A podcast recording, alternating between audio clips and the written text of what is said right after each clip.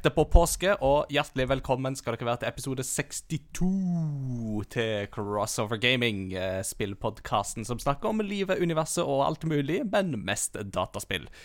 Med meg på laget så har jeg som vanlig Peter Gjøskjell, nygifte og greier. Si hei, Peter. Hallo, hallo. God dag, god dag. Med oss fra Kristiansand. Jeg tror ikke han sitter i Le Garage lenger, så sitter Mats Jakob Nesmann. Hello! Hello, og jeg heter som tidligere Ingar Takanobu Hauge og leder samtalen.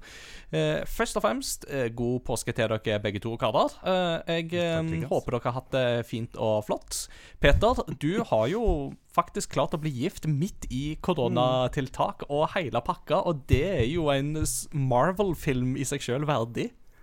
Eh, ja, det er jo det føler meg litt som en superhelt når jeg plutselig får sånn bling-bling eh, på seg. Det, nei, men det var jo så vidt òg, da. Det Ja. ble jo uh, tirsdagen før eh, bryllupet, så stengte jo eh, Norge helt ned, føltes det som. Uh, som jeg sa til dere på forhånd, det var så vidt pressen fikk lov til å komme og vie oss, for han kom fra en annen kommune. Så det var liksom eh, 24 timer med litt sånn vel intens spenning og planlegging av utebryllup. Som en slager i mars måned. Yes, I hear, I hear Inderøya is lovely this time of year. Mm, mm. Det, var, det var sol en dag den vekka, det var lørdag. Ja, det er bra. Så det, var, det hadde gått. Ish. Men, men jeg så på stream, og, så det gikk jo til slutt. Ja da. Det, det var ordna seg veldig, og Annika var jo helt nydelig. Så jeg hadde, jeg hadde det veldig bra. I, I, can, uh, I can confirm. Jeg så Mm. på streamen. Hun var veldig fin. Så Og det, du felte en tåre, og det hadde du veldig lov til. Ja, det var litt mer enn det som Ja, det var mer enn det ja. også. Det er veldig fint. og Jeg er jo følelsene er ute på kroppen, vet du, så Ja, jeg, begynte, jeg begynte å grine før vi kom ut av bilen. Jeg. Så det rider meg. Det er skjønt, da. Det er skjønt, da. Ja. Nei, som, som, som en som har gifta seg sjøl, så kan jeg bekrefte det at uh, det er noe Særlig på en måte rett etter at uh, faktisk vigselen har Eller vielsen har funnet sted. Uh, og når man endelig sitter på samme side på, uh, i Mm. kirkerommet, så er det et litt sånn spesielt eh, øyeblikk. Så da er det sånn Da, kan liksom det neste innslaget være eh, Holdt jeg på å si eh, Ken Lee to Libo Di Without You. eh, og fortsatt så vil det være rørende om du feller en tåre. Jeg, vil påstå at sanginnslaget vårt var litt bedre enn det. Ja, det var det, faktisk. Takk og lov. Mm. Takk og lov. Uh, hva er det han heter? Han Simon uh, fra Idol ville vært fornøyd. Ja, det tror jeg òg. Ja. Jeg tror, jeg tror han hadde felt en tåre. Mm. Elisabeth er en god sanger. Både han og. Gordon Ramsay. Mm. Du Mads Jakob, du har ikke blitt gift siden sist. Du har alltid vært gift så lenge vi har holdt på eh, i podkasten iallfall. Jeg har vært gift i noen år nå, så det, det Jeg trenger ikke gifte meg på nytt med det første. Forhåpentligvis. Sensei. Eh, eh, nei, påska har vært fin, den, altså. Vi har eh, vært hjemme. Det, vi har ikke fått reist noe sted. Vi skulle egentlig i til barnedåp, men den ble det jo ikke noe av. Og så, så valgte vi bare å bli hjemme. Og vi har vært på Checkouten i en skatepark, og vi har vært i Dyreparken og alt mulig. Dyreparken får jo lov til å holde åpen, for det er jo ikke en fornøyelsespark, det er jo en dyrehage. Ja, riktig. Og så er det jo utendørs, da. Ah. Ja, ja sånn er, men alt var jo Altså, alt er jo stengt. Det er jo bare Mm.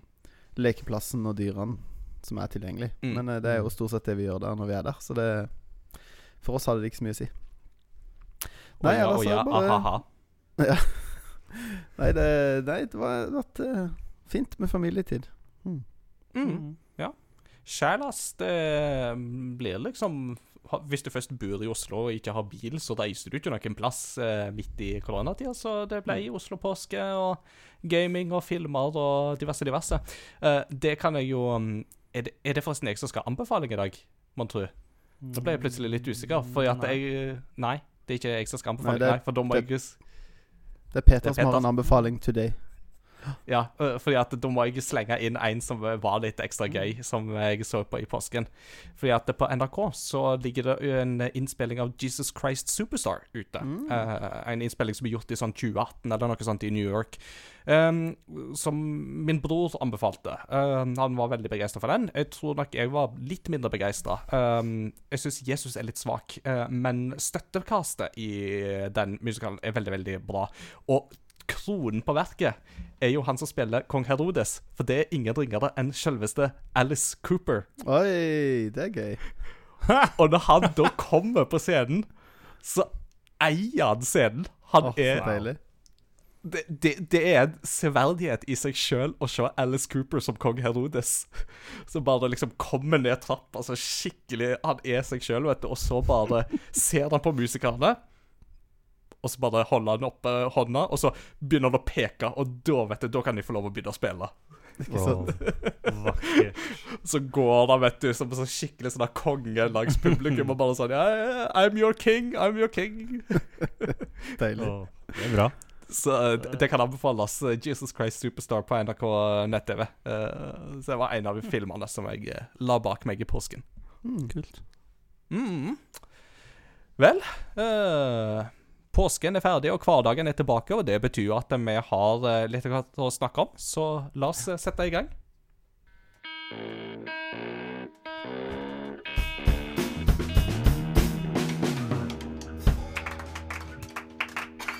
Ja. Eh, himmelsk lyd fra ungdommene. Eh, nå er det ukens kunngjøringer. Det er litt stille og rolig for tida, men det skjer et par eh, litt gøyale ting likevel, som jeg tenkte vi kunne snakke om i kunngjøringene. Eh, For de som lurer på hvorfor folk lager free to play-spill med masse mikrotransaksjoner, så er det bare å se til Genshin Impact. De har tjent over 1 milliard dollar eh, siden lansering i, eh, for seks måneder siden. Eh, og med det så må de vel kanskje være den største internasjonale kinesiske spillsuksessen noen gang. Jeg har ikke sjekka, men jeg er ganske sikker på det. Og jeg har ennå ikke spilt det. Jeg vet ikke om jeg kommer til å spille det, for jeg kjenner det byr meg litt imot. Mm. Men uh, ja, vi får se. Det kan hende jeg eh, Vi får se hva tid og sånt tillater. Det er jo mest det det går på. Mm. Um, en um, ting som jeg syns at alle arbeidsplasser i verden burde begynne å gjøre, det er å gi de ansatte fri på store spillanseringsdager. For det gjorde nemlig det japanske VR-studioet Mark On.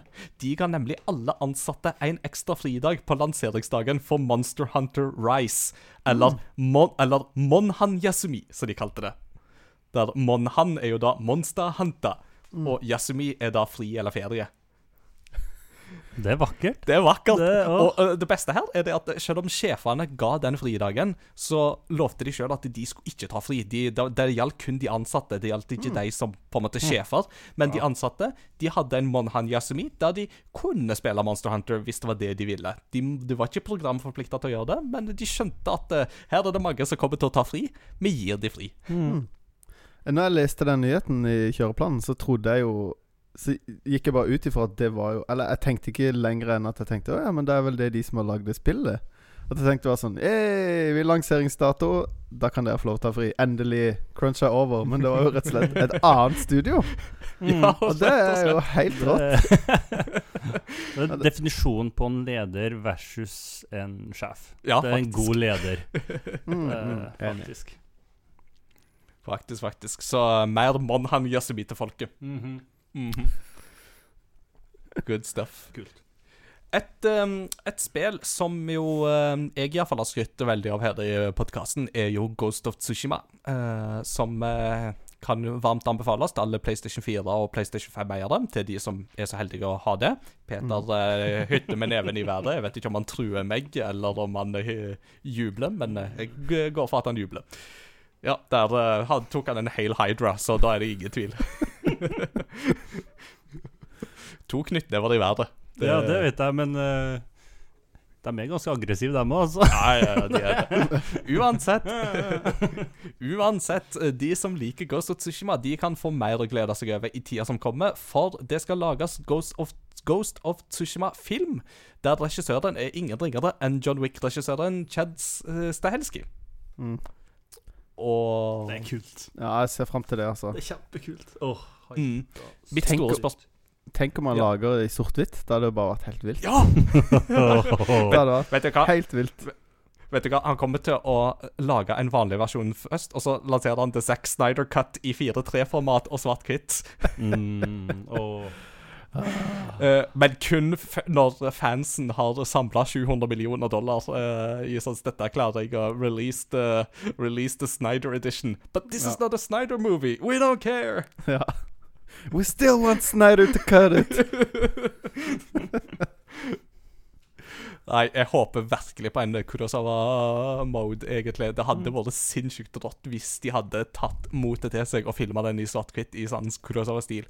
Og så håper jeg jo virkelig at den blir på japansk, da. Det, det blir vanskelig for meg å se den hvis den blir på engelsk. Det blir litt sånn Mm. Det blir litt feil, på en måte. Ja, ak akkurat det har jeg litt liten tro på, i og med at uh, det, det største filmpublikummet er jo kanskje ikke eh, japanerne.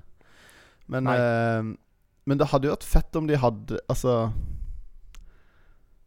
I typ sånn en sånn bonusfeature på en eh, fremtidig 4K Blu-ray at man kunne liksom Altså, eh, for, for alle, Du kan jo bare se det på en gammel 4-3 sort-hvitt-TV, og så får du Kurosa, sånn hjemmemekka Kurosawa-mode. Kan ikke alle smart-TV-er komme med Kurosawa-mode som en sånn eh, filter? Det hadde vært digg. Men altså, det har jo allerede vært gjort. Eh, altså, vet, Vi vet jo hvordan det skal gjøres. Mm. Vikingene. Først så spilte de inn en scene på norsk, og så tok de akkurat samme scenen og spilte inn på engelsk. Imponerende dårlig engelsk. Men altså, hallo! det funker. Det er ekstremt corny. Det, det greiene der. så sykt! Så viktig, faktisk. Det, å, Ja, det var faktisk kjempebra. det gjør det bare enda mer. Sånn, den utrolig dårlige engelsken er jo Den var jo faktisk på sånn topp 20-liste eller noe sånt der i New York Times over utenlandske serier som man bør få, få med seg. Ja, jeg, jeg, tro, jeg trodde han har blitt en sånn kultklassiker. Ja, ja. Norseman. Det, så det funker jo. Ja, jeg fikk jo spørsmål jeg en gang av en amerikansk uh, venn av meg om bare sånn der, Have you seen this? Og så bare slengte jeg en lenke og bare Norse, men det sånn uh, Not sure, let me check. Og så fant jeg ut Nei, ja, det er den, ja. Uh, nei, eh, jeg vet hva serie det er, men jeg har ikke sett den. Hmm. Så. Uansett, Ghost of Tsushima det kan bli en veldig gøyal film, det, altså. Den Mm. Potensialet der ligger absolutt til stede. Uh, så det blir gøy. Det blir spennende å se. Mm. Um, så må vi jo til en litt sånn større sak som har vært i menn de siste ukene. PlayStation Store skal legges ned for PlayStation 3, PlayStation Portable og PlayStation Vita. For PlayStation 3 og Portable så stenges butikken 2. juli, mens den for PlayStation Vita stenger 27. august. Det dette betyr, er at hvis det er digitale titler som du vil kjøpe til disse konsollene, så må du gjøre det innen den, de datoene. Du vil fortsatt kunne laste ned ting du har kjøpt, eh, og eh, ting som eh, har blitt kjøpt, kan òg la seg da oppdatere, Uh, men du vil ikke kunne kjøpe nye ting, så selve butikken blir stengt. Uh, I praksis så betyr jo dette at det er gått over 2000 titler som man da ikke har fått adgang til lenger i de digitale butikkene. Og her i Europa så er det snakk om eh, et sted mellom 130 til 150 titler som forsvinner for godt. Eh, som man da Mm. ikke vil kunne få tilgang til, fordi de kun er lansert digitalt til disse plattformene. Og dette er jo en litt sånn A crisis we knew were coming, er det ikke det, Mats Jakob? Jo, absolutt. Uh, det var jo Første gang vi liksom virkelig fikk oppleve dette, var jo når de stengte uh, Virtual Console på, i, til Wii. Mm. Hvor Det var ikke nødvendigvis så veldig mange originale sånn WeWare-titler som var veldig bra, men der var det jo det at man mista muligheten til å kjøpe spill fordi de var jo så tidlig ute, før alle andre hadde sin egen, så du kunne jo kjøpe mm, Sega Master System, Sega Megadrive, eh, TurboGrafx, eh, eh, Neo Geo-spill, altså, og Mm. masse Nintendo-konsoller som plutselig nå ikke er tilgjengelige lenger. Mm. Ehm, så det, det hadde vært interessant å sette en liste over hva som er verdt å plukke opp der, for på en Mm. måte bevaringens skyld. Men heldigvis er jo, hva skal jeg si eh, eh, TV-spill eh, Hva de kaller det altså På engelsk heter det jo uh, video game preservation. Det er jo Mm. folk som er, kaller seg for preservationists, som Ja. er sånne som lidenskapelig opptatt av å eh, spore opp liksom eh, utviklerverktøy og se om det er ting på, og liksom bevare masse ting. da Og det ligger jo ute på det derre Hva det heter for noe? Freearchive.com eller et eller annet. En sånn nettside som veldig mye blir lagt ut på. da Mm. Eh, Så det blir, nok, det blir nok tatt vare på av noen. Men eh, det vil ikke være tilgjengelig til massen lenger på samme måte. Nei. Mm. Og, og, og jeg tenker jo at dette er jo veldig bekymringsverdig, fordi at dette er jo kulturarv, faktisk. Det er jo spillkultur. Og så kan man, når man ser denne lista over spill som ikke blir tilgjengelige lenger, så er det litt sånn ja, men det er liksom ikke de superhotteste titlene og, og, sånt. Nei, det er kanskje ikke det, men det er likevel noe med at med en gang man setter disse begrensningene, så forhindrer man spillkulturen ifra å kunne gå tilbake til sin arv og analysere den og studere den nærmere. Um, jeg tenker på Et eksempel som er mye mer alvorlig, er jo at nå er jo Super Mario Bros 35 er jo ikke tilgjengelig lenger. For det var jo kun tilgjengelig fram til og med 31. mars. Så det vil si at det finnes et Mario-spill der ute som hvis du i framtida skal forske på Mario-spillenes utvikling, så er det et spill som er helt utilgjengelig for deg.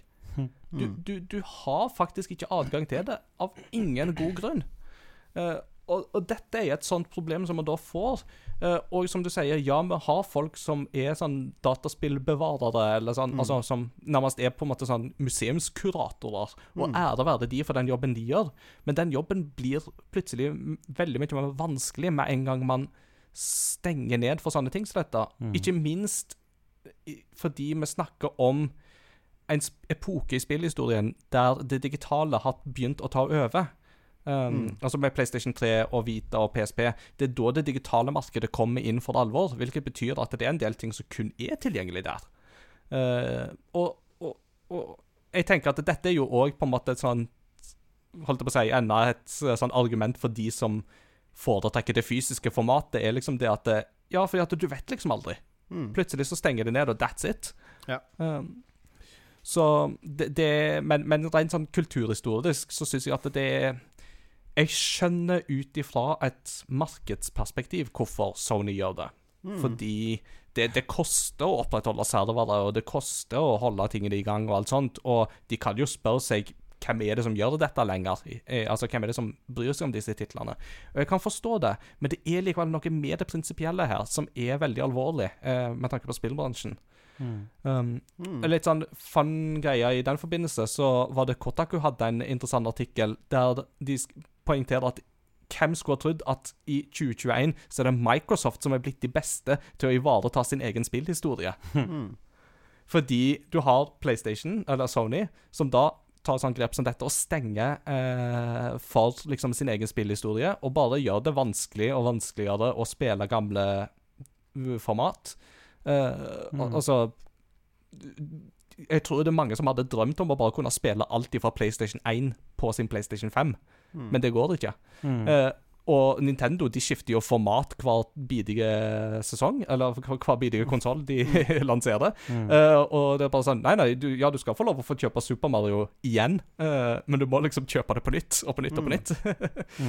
uh, men så har du Microsoft som plutselig kommer med en Xbox som bare sånn Her kan du ikke bare spille mange av de gamle titlene dine, men vi vil òg ta og forbedre ytelsen på dem. Mm. hadde du sagt det for et år siden, så hadde jeg ikke trodd på det. Nei, det høres Altså Hvis du hadde sagt det forrige generasjon, så hadde jo folk Du hadde jo blitt spotta. Ja. altså De ville jo ikke at du skulle kunne låne spill av hverandre en gang for seks år siden. Nei, ikke så det er, jo, det er jo en fullstendig enåtti på, på, på måten de ser på uh, Hva skal jeg si forbrukerne sine på. Ja, De tok en 180 etter 360. Mm. Ja.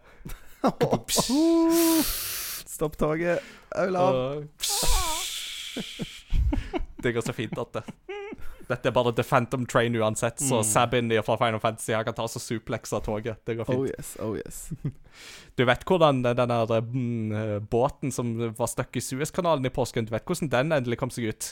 Ble han suplekser? Ja. De bare sendte inn Sabin fra Final Fantasy 6. Oh, deilig. Uh, takk for meg. Det, det, er det sikkert bare to-tre av lytterne våre som skjønner, men uh, ja. Søk det opp, folkens. Vi må nå ut til dem òg. Ja, ja, må det. Må mm. Ja. Vi har aldri, vi, har aldri vi, vi, vi, tenker på den ene enkelte. Ja, så det er ikke det vi gjør, da. Nei, altså Nå brukte vi jo litt tid på denne kunngjøringa her, men jeg tenker at det er faktisk en litt sånn interessant og viktig sak. Mm. Uh, og sånn for min del så jeg er jo litt opptatt av dette med spillkultur og spillhistorie. Og mm, mm. jeg syns jo definitivt at dette er feil vei å gå. Uh, og jeg syns det egentlig er sørgelig. Så, så det er nå så. Um, jeg har iallfall en plan om å prøve å kanskje sikre meg et par eh, PlayStation 1 Classics uh, før de forsvinner òg. Så Mm. Mm. Det er sikkert til- Da- men, Mm. bare Det hadde vært interessant å sette en liste over uh, hva som er de beste av de Hva du sa, 150 spillerne. Om det er noen som er liksom Hva skal jeg si Hidden gems. Altså gjem, gjemte Mm. juveler som eh, liksom ikke alle har fått med seg, og som kanskje Mm. er verdt å kjøpe, da. Mm. det, det fins ei liste på Game Reactor nå over de 130 noe spillene som forsvinner for godt for europeiske brukere. Men Mm. så må vi jo ta med at det er jo mange ting som er gjemt i amerikanske butikken og i japanske butikken òg. Mm. Midt oppi dette her, som òg vil forsvinne. Så mm, det, det er noen titler da som eh, kan være interessant å sjekke ut, altså. Mm. Så vi får se. Ja. Mm. Videre uh, så må vi da til spillet Deathloop, som jeg i hvert fall gleder meg til å spille på min PlayStation 5 i mai. Men uh, nå må jeg vente til september, for det er utsatt til 14. september. Så det er nå sånn det er, men uh, det er kanskje like greit, for da får jeg mer tid til å spille Returnal, Near Replicant 1.244102, sing- eh, hva det nå enn var, eh, Resident Evil Village og um, et eller annet annet spill. Ja, og New Pokémon Snap. Så Mm. det blir travelt de neste ukene. Så det er kanskje like greit at noe blir utsatt. Yeah. Mm. Uh, til slutt så må vi bare ta med en litt sånn gøyal sak. Eh, husker dere sånn da Xbox Series X ble lansert, så var det litt sånn vitsing om at uh, den så ut som et kjøleskap. Og så Mm. tok Microsoft og så lagde noen sånne ekte store kjøleskap som de ga til et par sånne YouTube-kjendiser. Mm. Nå skal de da lage uh, Xbox Series X mini-kjøleskap. Er grunn, ja, men altså, og grunnen til dette, det er helt fantastisk. Eh, det, det var De hadde de var, Microsoft var med i en konkurranse om sånn Best, uh, best Tweets-konkurranse. eller sånn Best of Twitter-konkurranse. Der de da var i finalen uh, med Jeg tror det var Skittles. Eh, jeg skal ta og dobbeltsjekke om det var Skittles, eller om det var et av disse andre candy-selskapene. Eh, Jo, det var um... Å, dette er veldig god radio, vet du. Ja, det var Skittles. Nydelig. Ja. Ja. Mm. Uh, og i den forbindelse så sa da Microsoft noe sånt som at eh, Hei, hvis folk tar og stemmer på oss, så skal vi ta oss og lage sånne minikjøleskap. Da skal vi begynne å produsere det. Og de vant. Og da holder de sitt ord. Så de skal begynne å lage Xbox Series X minikjøleskap. Hvorfor ikke? Det er så bra. Det er så bra. Altså, men, men jeg er jo sånn Jeg vil jo egentlig ha det store kjøleskapet, jeg. Men nå er det jo bare du som har ei kone som godkjenner det, da. Uh, Altså, vi, vi, har jo svarte, vi har jo svarte hvite varer fra før. Så, Mm. Eller svarte varer, eh, som jeg liker Ja. å kalle det. Svarte Skriv varer. to, da. Satt opp på kortet. Ja. Og, og jeg tenker jo det at eh, hvis det kjøleskapet òg hadde vært like stillegående som Xbox Series X, så hadde det vært perfekt. For vårt kjøleskap det bråker som et uvær. Det synger opera og litt sånn. Og sånn Det kan bekreftes, ja. Mm. det er faktisk som å ha en wookie på, kjøl, på, kjø, på kjøket. Jeg har blitt satt ut flere ganger av den. Det- Det, Det det, aldri ikke ap apropos bråkete hvitevarer. Mine foreldre har en, eh, en kjøkkenvifte som egentlig bare er en sånn ventil som åpner for en helt sånn vill trekk. Så det, det er liksom sånn der Det høres ut som åpninga av The Julekalender når den er på. Sånn der Og så en mørk og stormfull Ja, men- Bare for å male bildet. Og så etter hvert så på en måte tenker du ikke på den. Ikke akkurat som en vanlig kjøkkenvifte eller kjøleskapet. Og så vet du den følelsen av når Mm. kjøleskapet slås av, så er det litt sånn ah, Det var deilig. Mhm. Men når den slås av, så hører alle det, for den smeller igjen som en sånn låvedør. Det er sånn OK, ja, der var det. Sånn jetmotor. Sånn. Bråkevarer, kaller vi det. Svarte bråkevarer. Ja. Mm. Åh, det, det Ja. Høres ut som det er flere enn oss som kan trenge nye ting på kjøkkenet, rett og slett. Mm. Nei da, så Men eh, de som, eh, de som trenger seg et nytt minikjøleskap, glem cola. Det er Xbox eh, du skal ha. Mm. All right. Det var kunngjøringsbiten, og da tenker jeg nå skal vi videre på dagens temadel. Og i dag, Peter, så tenkte vi at uh, du skulle få lov å endelig This is your time to shine, rett og slett. Uh, for, nå, nå, for nå, nå føler jeg at vi har jo vært nesten Vi har vært intensjon... Ikke intensjonelt, uintensjonelt slemme med deg de to siste episodene. Fordi vi endte opp med å snakke om tema. Så du er litt sånn der ja, Du har spilt ett spill. I, liksom Spilt ett Pokémon-spill, eller du har spilt ett Zelda-spill. Så det var litt sånn Du har kommet litt til kost etter at du har blitt en del av denne gjengen her. Men det er en sjanger der du briljerer i langt større grad enn det jeg gjør. Og det er open world survival crafting games. Ja, og det skal vi snakke det. om i dag, Mm. tenkte jeg. Ja. Um, hva mener vi med open world survival crafting games? Da tenker jo jeg da på spill som f.eks. Minecraft. Mm. Uh, men jeg tenker jo òg på spill som Valheim mm. mhm. og Seven Days To Die. Mm. eh, og kanskje det til og med er noen andre eksempler du kommer på i farten, som du vil Ark, for eksempel. Ja. Som, det har jeg kjøpt nå. Å, har du det? eh, som jeg skal få prøvd ut. Og det, det er jo en sjanger som har vokst mye de siste årene. Minecraft var jo på en måte eneveldet Det var det folk forbinder med liksom, hvor du starter med ingenting og bygger deg opp, og så har det kommet veldig mange eh, spill de siste årene. Eh, da hadde du òg et cowboyspill. Nei, vi tenker ikke på Red Dead. Nei, ikke Red Dead.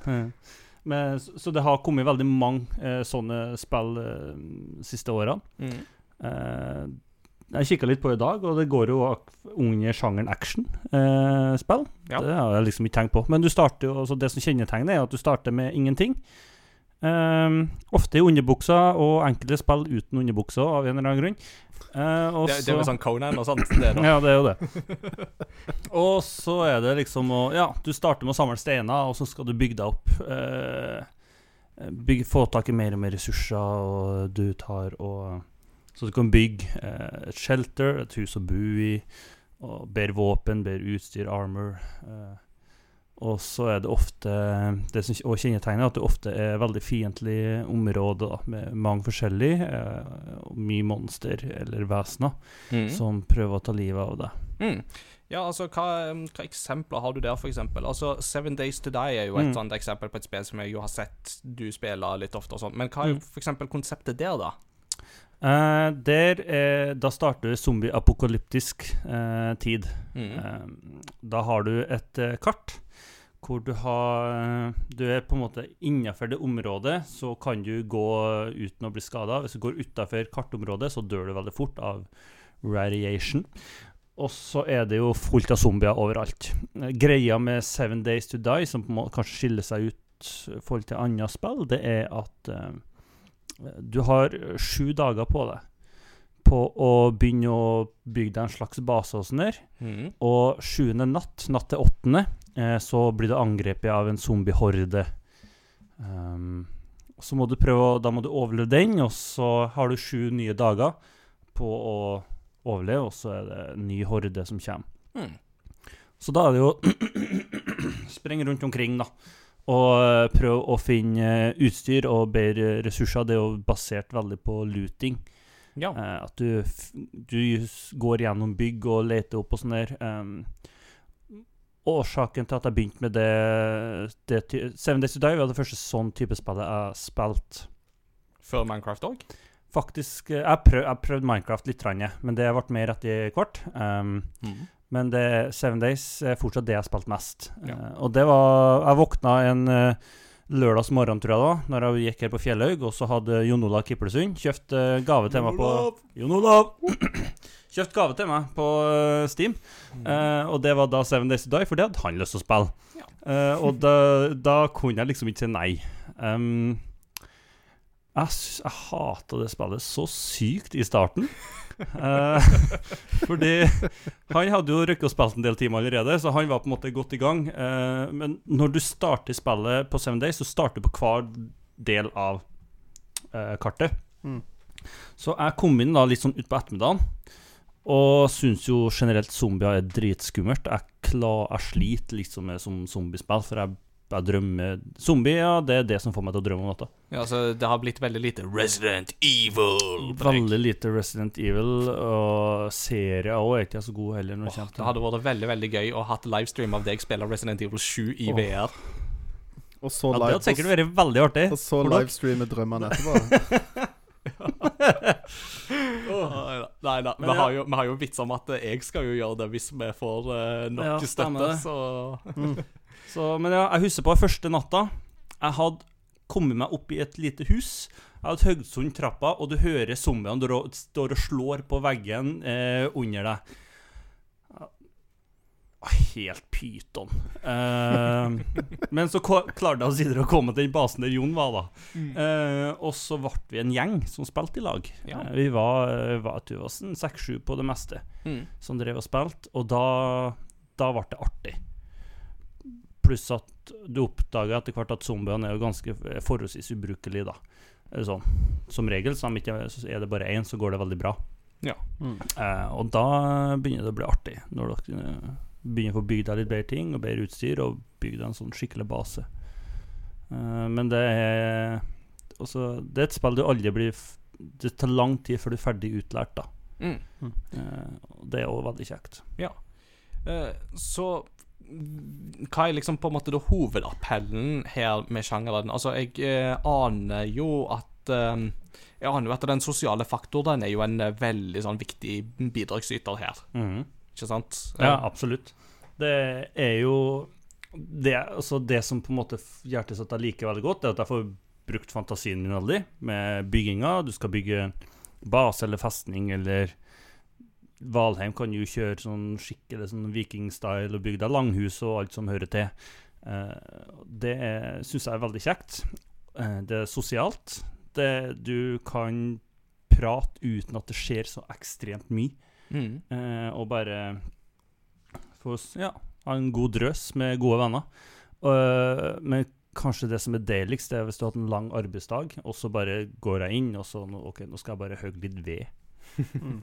Eller ja, og bare gå rundt omkring og bare finne ressurser, og det er bare super slow paced, og det skjer ikke så mye, og du bare får ja, sette deg i dine egne tanker og ha en utrolig deilig og avslappa ettermiddag. Er det, er det liksom på en måte litt den derre sim Når jeg gåseøyne for de som hører på. Litt den der sim-appellen. At det er litt sånn du, du styrer tempoet i spillet. Du bestemmer hva du skal gjøre. Du kan egentlig bare bygge hvis du vil det. Er det litt den eh, et, Vi vitsa jo Jeg vitsa jo sist litt eh, om eh, at det var en krysning mellom The Sims og et eller annet annet. Nå husker jeg ikke helt hva det var sammenligna sammenlignet God of. War. Ja, ja, det var Jeg synes det var en Ja, fantastisk, Valheim, ja. fantastisk Ja. sammenligning. Men eh, For jeg opplever det litt sånn Jeg har aldri spilt et sånt spill. Jeg har ikke spilt Minecraft heller, for den saks skyld. Eh, Mm. Men jeg har aldri liksom eh, Men jeg, jeg har aldri vært noe glad i Sims-spill heller. Ikke Sims, men Nei. Sim generelt. At jeg, jeg syns Mm. Jeg har ikke den appe- Det treffer meg på en måte ikke. Men, eh, men det høres jo på en måte litt ut som det du beskriver, at det er litt det samme, da. Eh, Altså, det, du er totalt din egen Altså, du bestemmer helt sjøl hva du Mm. gjør. Eh, det, er, det er ikke noe historie, mm. som regel. Eh, Valheim, så har du Det var nytt for meg. Der har du flere bosser som du skal bekjempe. Mm. Jeg tror jeg har kommet fem bosser nå, og det er vel Det ser ut til sånn det, det virker som det er ni bosser som kommer til å komme, da. Mm. Og etter hvert så vil du gjerne ta en ny boss, for en ny boss gir deg mulighet til å få tak i bedre utstyr. Ja. Um, Sånn slags sånn progresjonsstige, på en måte. ja, så du har, ja. du har trappa der, da. Eller stigen der, da. Um, Jeg tror forresten det gir mening at det er ni bosser, fordi at du har jo The Nine Realms i på en måte norrøn mytologi, Ja. ikke sant? Så det gir mening. mm. Mm. Uh, og altså, En del av det som du beskriver, det er jo sånn som jeg kan på en måte kjenne meg litt igjen i. For det er jo det som har gjort at jeg har vært stuck i Animal Crossing det siste året. Ikke Mm. sant? At det er veldig liksom bedagelig tempo, og det er det der du gjør liksom sjøl det du vil. og eh, Hvis du vil bygge litt, så gjør du det. Og hvis du bare vil plukke blomster, så gjør du det. Og Mm. plutselig så kommer Tom Nook og banker på døra og krafser og krafser, og det er da du må ta fram eh, hagla og gå til forsvar. Nei, vent, det var ikke sånt spill, nei. Det Nei, nei. uh, nei, for, for, det et, for det er jo et sånt element som et spill som Animal Crossing mangler, f.eks. Det er jo Mm. survival-biten. Uh, crafting og sånt, det er jo noe som jeg på en måte kjenner igjen ifra, som Mats Jakob sier, fra Sim Altså SimCity eller The Sims eller City Skylines. Mm. Eh, Civilization-spillene har jo òg litt det elementet, ikke sant? Men, men, men i disse spillene her så er det jo mye mer fokus på det med survival og sånt, eh, som du jo nevner og har vært inne på. Mm. Det er jo, ja, det er jo det, og hvis du dør, så får du ofte Det har en negativ virkning, det òg, da. Mm. Uh, du Det varierer litt fra spill til spill, men typisk at du mister litt XP, og så um, kan karakteren din prestere gjerne litt dårligere og, eh, etterpå, over en viss periode. Mm. Um, så det er liksom Du vil helst prøve å unngå å dø, da, som du vil i de fleste spill, men det, du mister gjerne en del av ting som du har opparbeida deg, da. Mm. Pluss at du som regel mister alt du har luta òg. Og hvis at du da mister Sånn som i Valheim, så mista jeg all luten min på fjellet. Attmed en boss.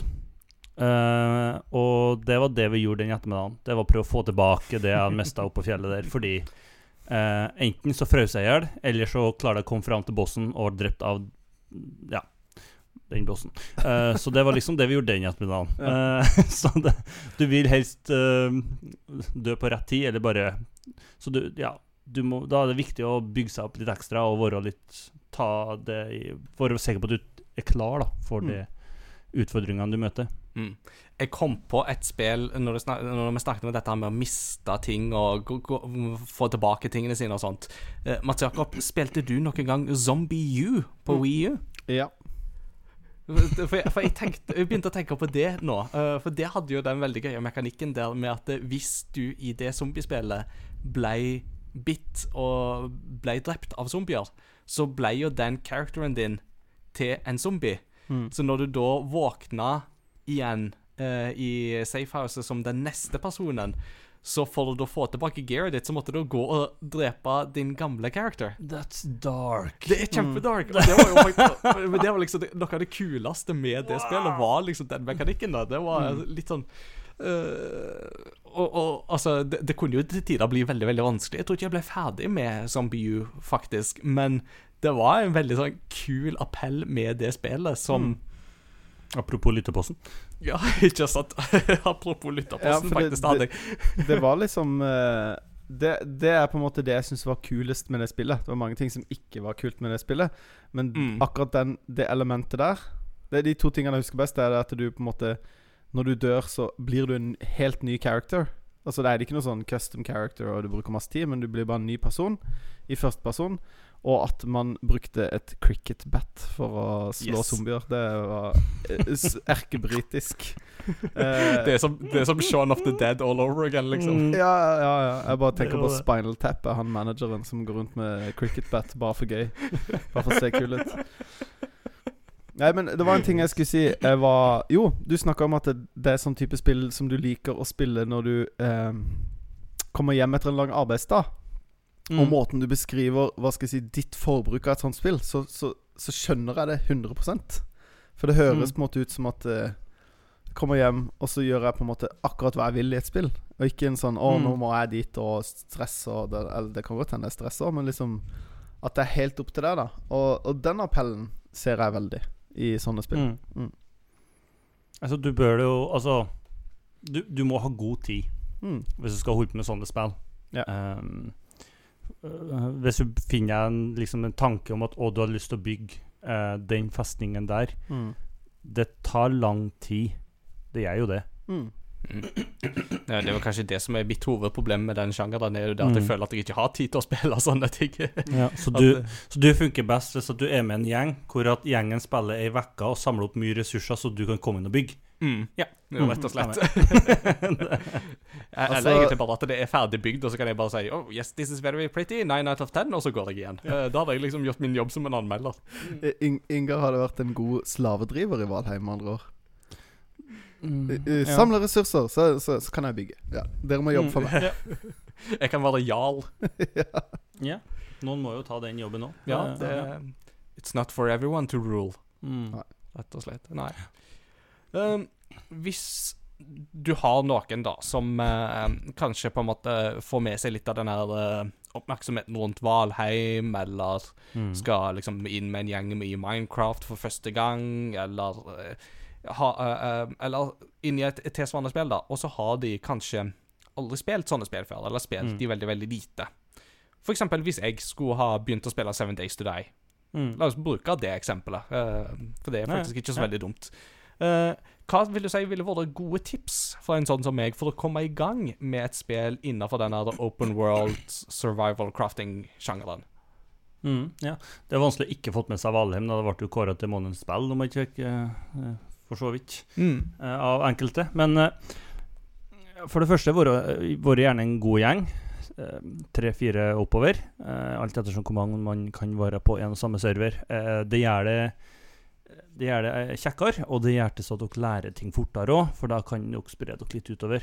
Mm. Eh, pluss at dere får gjort ting fortere òg, for det å bygge en base krever ofte mange forskjellige typer ressurser, og da er det veldig greit å noen tar seg av den ene delen, og noen tar seg av den andre delen, så slipper du å gjøre alt sjøl, da. Yeah.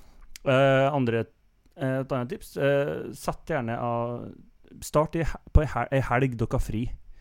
Eh, Når vi begynte med Valheim nå, så eh, var vi, planla vi å starte vel fredagen uh, for de fleste, og noen hang seg på lørdagen. Og så hadde vi hele helga disponibel til at vi, vi var tilgjengelig for gaming. Mm. Eh, da får dere liksom kommet Du får en sånn jumpstart, da. eh, hvor du kan eh, eh, Dere lærer mye litt sånn kjapt, og så kommer dere litt sånn inni og skjønner hvordan ting funker det spillet her. Mm. Eh, det, det er kanskje det som var liksom gjort meg da med når å komme i gang med sånne spill. Bare, ja Du må ha god tid, og så google litt, da, for det er ofte ting som man ikke helt skjønner helt i de spillene der. Det, Mm. mm. Så kanskje det lureste er ikke kjøp det ved lansering. Eh, vent ei, et par uker til folk har funnet ut av liksom de verste kneikene, og så kan du google deg fram til det som kanskje Du kan gjøre det, eh, samtidig så det er veldig tilfredsstillende hvis at du driver og spekulerer på og hvordan er det du får til å bygge det der, og så Mm. kommer du plutselig over en ny ressurs, og så bare ah, Og Mm. så får du Ja. At det er du som skriver den Reddit-tråden. Yes. Um, så, så det eh, Ikke google med en gang.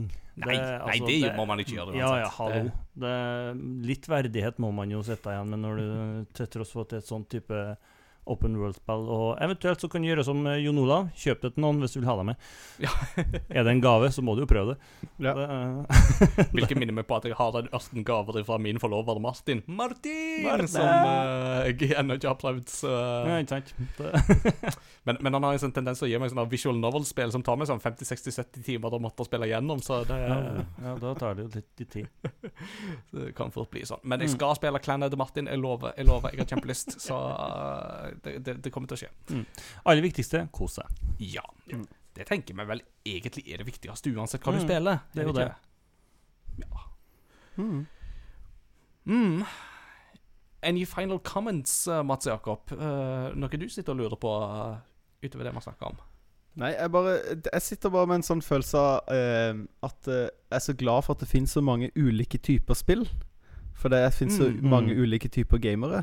At eh, At eh, At eh, du har en At dette er liksom sjangeren for deg, og så er det ikke sjangeren for meg, og så er det helt greit.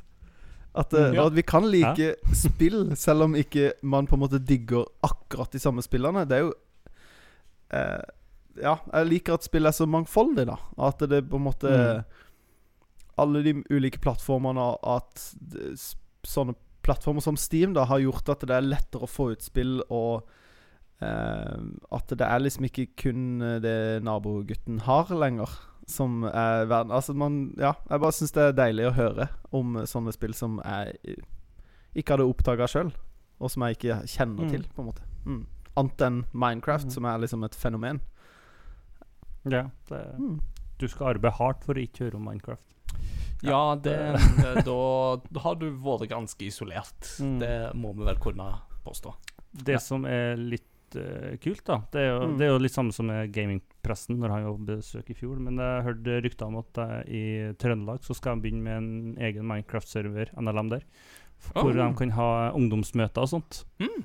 Uh, Ah, hvor kristne kan samles. Det er kjempekult, og fordi de ja, de, de, de bor jo Det er jo så mange som bor på bygda, vet du. De, ikke, de treffer ikke kristne på mellom lange tider. Nei. Mm. Og da kan Så da var det, fikk jeg en telefon til en kamerat, da, Martin Vestbustad. Enda en Martin! Martin! Som uh, snakka til at det var Som uh, spør da liksom prøvde å hvordan kunne jeg få til det. Og så skal han bygge et sånn uh, kirke eller et bedehus, da. Mm. uh, hvor de kan samles hver lørdag og hver søndag. da Og så bygge, bygge det ellers i vekka og kanskje ha noen debatter og sånt. Så det er jo, gen det er jo genialt. På det, Ja, det er That is 100 and that is 100 corona 100 koronafri bedehus. Mhm. You know, so that is Yes. important. Viktig i disse dager. Oh, Med mindre det kommer noe datavirus, da. Eh, ja. Ja. Eller creepers. Det, ja. Lite. Den streamen skulle jeg sett på. Det er noen som har møte på bedehus, og så bare kommer det masse creepers. Det hadde faktisk Det hadde vært en idé i seg sjøl, det. Eh, John Wick 5. Ja. Mm? John Wick 5-konsept. John Wickcraft. John Wickcraft. Takk for meg. det høres ut som witchcraft, ja. Ja. Å, fint. Uh, vi, må, vi får ta en pause på den gode, tørre vitsen der, og så er vi straks tilbake med lytterpost og hva vi har spilt i det siste.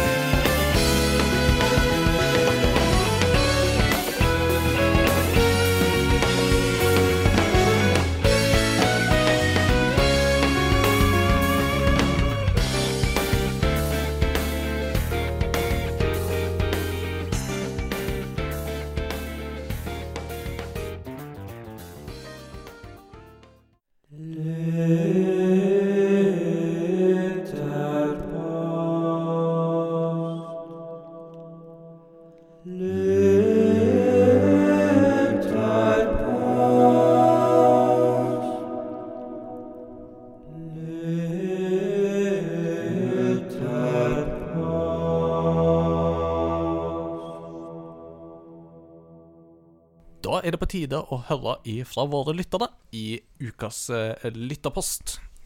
I forbindelse med en eh, Game Rector-artikkel som jeg var med på å bidra med, som heter Breaking Point, der vi skulle snakke om spill som vi har begynt på, men bare ikke klart å fullføre, samme hva vi har prøvd, så fant jeg ut at det, hadde vært gøy å høre fra lytterne om de har noen sånne spill. Så vi har spurt på lytterposten hva spill har du forsøkt å spille gjennom, men aldri klart eller orka å fullføre. Fortell gjerne om hvorfor du valgte å velge bort dette spillet. Skal vi ta våre egne først, eh, mine herrer? Um, Peter, har du noe sånt eh, spill som eh, Eller sånn Du bare klarte ikke å bli ferdig med det? Uh, ja, det har jeg jo. Eh, og det er ikke spill jeg er stolt av at jeg ikke har gjennomført heller. Det må jeg si. Uh, heldigvis så kan jeg luke ut uh, Zelda Breath of the Wild fra den lista, for den prøvde jeg jo meg på en gang og ga opp. Uh, men det har jeg gjort godt igjen, så det går bra. Siste spillet, det var jo et spill som jeg prøvde, drev og somla med i år, og det var jo Horizon Zero Dawn på PC. Ja, Eh, PC-versjonen, det var, men det var jo legomania ut av en annen verden. Mm. Så jeg, jeg, hold, jeg har jo sikkert prøvd det en ti timer, men det det ble bare vær og vær, den legginga. Så det, den måtte jeg jo gi opp. Eh, på den Og det var på, på legg. Ja. Jeg syns jo jeg syns jo det var et bra spill. Jeg koste meg jo veldig med det, så det er jo trist. Mm. Det er jo fint å komme gratis nå, da, i april. Ja, det er jo det. Så eh, jeg, vil jo skaffe det da på PlayStation, PlayStation, men så jeg må vente litt, da, for det er litt å skal begynne på nytt. Det er jo alltid like artig eh, når du har så vidt starta. Men eh, ja. Du kan bare få kona mi til å spille første par timene, for hun digger det spillet. Så Ja, det er lurt. Ja. Da får jeg sikkert bedre start enn jeg har fått sjøl, for hun vet jo hva som skal gjøres. Da, har hun- da har hun laga masse piler og sånt til deg og Ja, ja. liksom samla fullt av ressurser. Så Gull. Og det er jo bare rett over gata. Det, det, er jo bare å gå gjennom samme bygget, så er jeg der. mm. Det, jeg flytter jo hit nå. Ja, det Eh, blir naboer. Det ja. blir jo kjekt. Eh, andre spillet, det er Red Dead Redemption 2. Ja. Um, og det som kanskje er årsaken der, det var at jeg spilte eh, så å si samtidig som Assassin's Creed Odyssey. ja. Og det er jo to ganske ulike spill, sånn i hvert fall når det kommer til paste og sånt.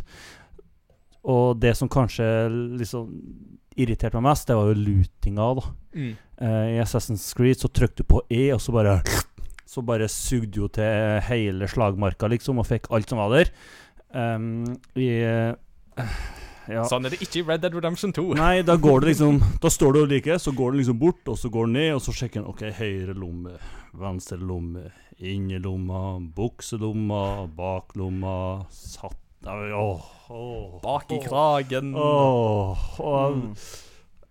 ja, det, og det Det var, Det gikk for treigt. Ja. Eh, jeg har plan om å spille det. Mm. Det har jeg absolutt. eh, men jeg kunne ikke spille da, for jeg klarte ikke å kose meg med det. Nei, og det skjønner jeg veldig godt. Og det var jo veldig mange som datt av Red Dead Redemption 2 nettopp pga. det som du sier der. Mm. Eh, For, mens for andre, sånn som for meg, for eksempel, så var jo det en del av skjermen. Det var liksom det at du skulle bruke lang og god Ja, og den ser jeg jo, Mm. eh, og jeg er egentlig fan av det. Uh, men når du har spilt et spill som ble så underholdende som, eh, som Assassin's Creed, så uh, funka det ikke eh, helt. Ja, absolutt. Så. Kontrasten er viktig her. Så Mm. Bare, si, bare skyte inn en ting til. Som, fordi vi hadde eh, på arbeid nå, eh, på skolen, så hadde vi akkurat et prosjekt hvor folk skulle lage en liten sånn kortvideo. Og da var det ene eleven min Hun hadde 'Dumb Ways To Die' i eh, Red Dead Redemption 2. det Det var ti helt fantastisk artige minutter. Jeg satt og storkoste meg. Åh, jeg har hatt noen der. Åh. Det er det. Så det var helt magisk. Men, Nice. så ja. Så det er kanskje de to spillene som utmerker seg fra min side. Ellers så jeg prøver å gjennomføre det meste. Mm. Mm. Yeah, Mats Jakob, uh, how about you? Ja ehm, eh, Hva skal jeg si dette, dette er jo ikke noe uh, helt nytt, men, uh, men uh, jeg har jo en historie med Breath of the Wild. For jeg har Ja. spilt gjennom spillet, men i to halvdeler. For jeg fikk det først på Wii U, og så spilte jeg ca. halve spillet. Og så fikk jeg meg Switch, og så kjøpte jeg spillet der. Og så begynte jeg å spille det der, for jeg tenkte jeg har jo mest lyst til å spille det på Switch. Så da spilte Mm, jeg den andre halvparten der. Så jeg har på en måte aldri Jeg har liksom ikke én save Så poenget at Problemet med det er jo at uh, utstyret jeg har Jeg kunne ikke ta med meg utstyret, selv om jeg på en måte har gjort alle tingene, tatt nesten alle shrinesene, så har jeg på en måte 50% med bra lut der, og 50% med bra lut på den andre. Så jeg fikk aldri liksom gå til Ganon med liksom OP-link. Eh, og jeg Det har vært et skikkelig sånn Det skikkelig terskel å gå og på en måte gjøre den delen jeg allerede har gjort. Så jeg har liksom med vilje utsatt det veldig lenge. For at ikke det føles Mm. så ferskt. Eh, så jeg har tenkt på det i det siste, at det er på tide å, å gå inn i den Switch-fila og liksom spille Gjennomspille ferdig på den fila, da. Mm. For jeg gjorde liksom alle de tingene jeg ikke gjorde i den andre. Og da Så jeg har liksom hatt hele opplevelsen, men på en måte ikke helt, da. Eh, så det er sånne spill som har vært eh, vanskelig. Men på som, litt på sånn på generell basis så eh, spiller jeg ikke så mye at hvis eh, Jeg detter veldig fort av et spill. Eller det er veldig vanskelig, dette kjenner jo alle til, Mm. den der å gå tilbake. Jeg leste nettopp en artikkel, jeg lurer på om det var i Kotaku eller om det var en annet sted, om den derre Har du noen gang Artikkelen handler liksom Har du noen gang klart å gå tilbake til en gammel save-fil? Sånn Å, den er, dette er et RPG jeg begynte på for et halvt år siden.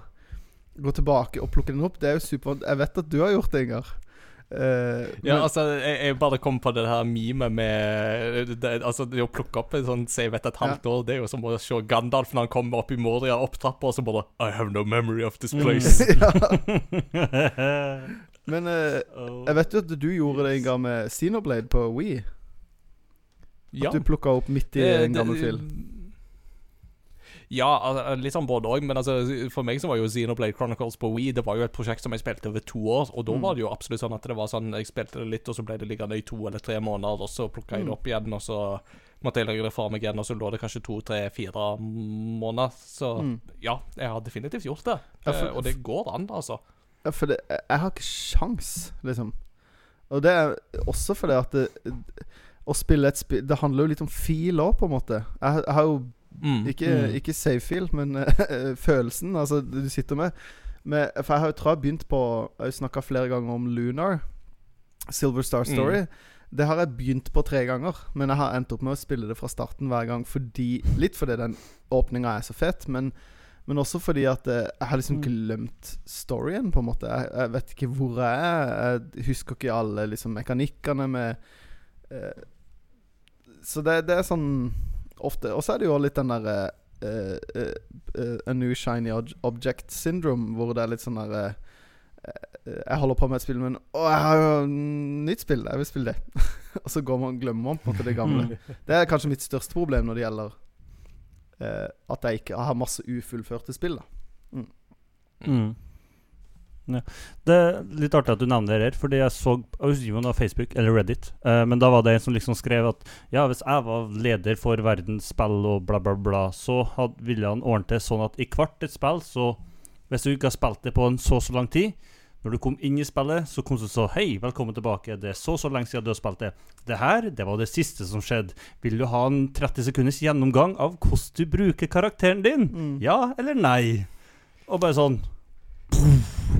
Det hadde jeg hatt veldig veldig bruk for i Red Dead Redemption 2. Åh, det hadde jo vært helt magisk så mange ganger. Jeg hadde jo en halvannen måned hvor jeg ikke spilte Assassin's Creed. Mm. Og da var det liksom Da ble jeg satt fast i en sånn greie som jeg holdt i, og jeg brukte jo sikkert et minutt til halvannen minutt til å komme meg ut. Mm. Så det Jeg så det var noen som kalte det for uh, uh, uh, For pappamodus. Sånn hmm, Vi ser at det er veldig lenge siden du har brukt PlayStation din. Jeg lurer på hvorfor. Men uh, her er en sånn brief summary. eh, for det, det, det er jo litt sånn der jeg, jeg skjønner jo hvorfor folk som ikke spiller veldig mye, velger Fifa, f.eks. Eller Mm. eh, Rocket League, eller et eller annet sånt spill som du bare plukker opp, og så er det ikke noe på en måte fortsettelse fra der du var sist, på en måte. Mm. Mm. Det er en grunn til at Call of Duty har eh, den appellen det har, ikke sant? Absolutt. Så. Ingar, du da? Mm. Uh, altså, i denne her um, Breaking Point-artikkelen så var det jo et spill som jeg trakk fram som jeg virkelig skulle ønske at jeg hadde klart å på en måte kom- komme meg gjennom. Det var Divinity Original Sin 2. Mm. Uh, dette rollespillet fra Larian Games, de som nå holder på med Baldur's Gate 3. Um, og det er jo litt sånn, for jeg plukte det opp, og det høster jo veldig lovord om å være liksom et fantastisk bra rollespill, og særlig liksom av den gamle sorten, altså de som liker liksom gamle BioWare-rollespill og sånt. Altså dette var på en måte det du virkelig ville ha. Og da var det sånn Og det var litt sånn på den tida at jeg hadde begynt å spille litt eh, DND og litt sånn så da var jeg veldig sånn ja, det høres jo kjempegøy ut, ikke sant?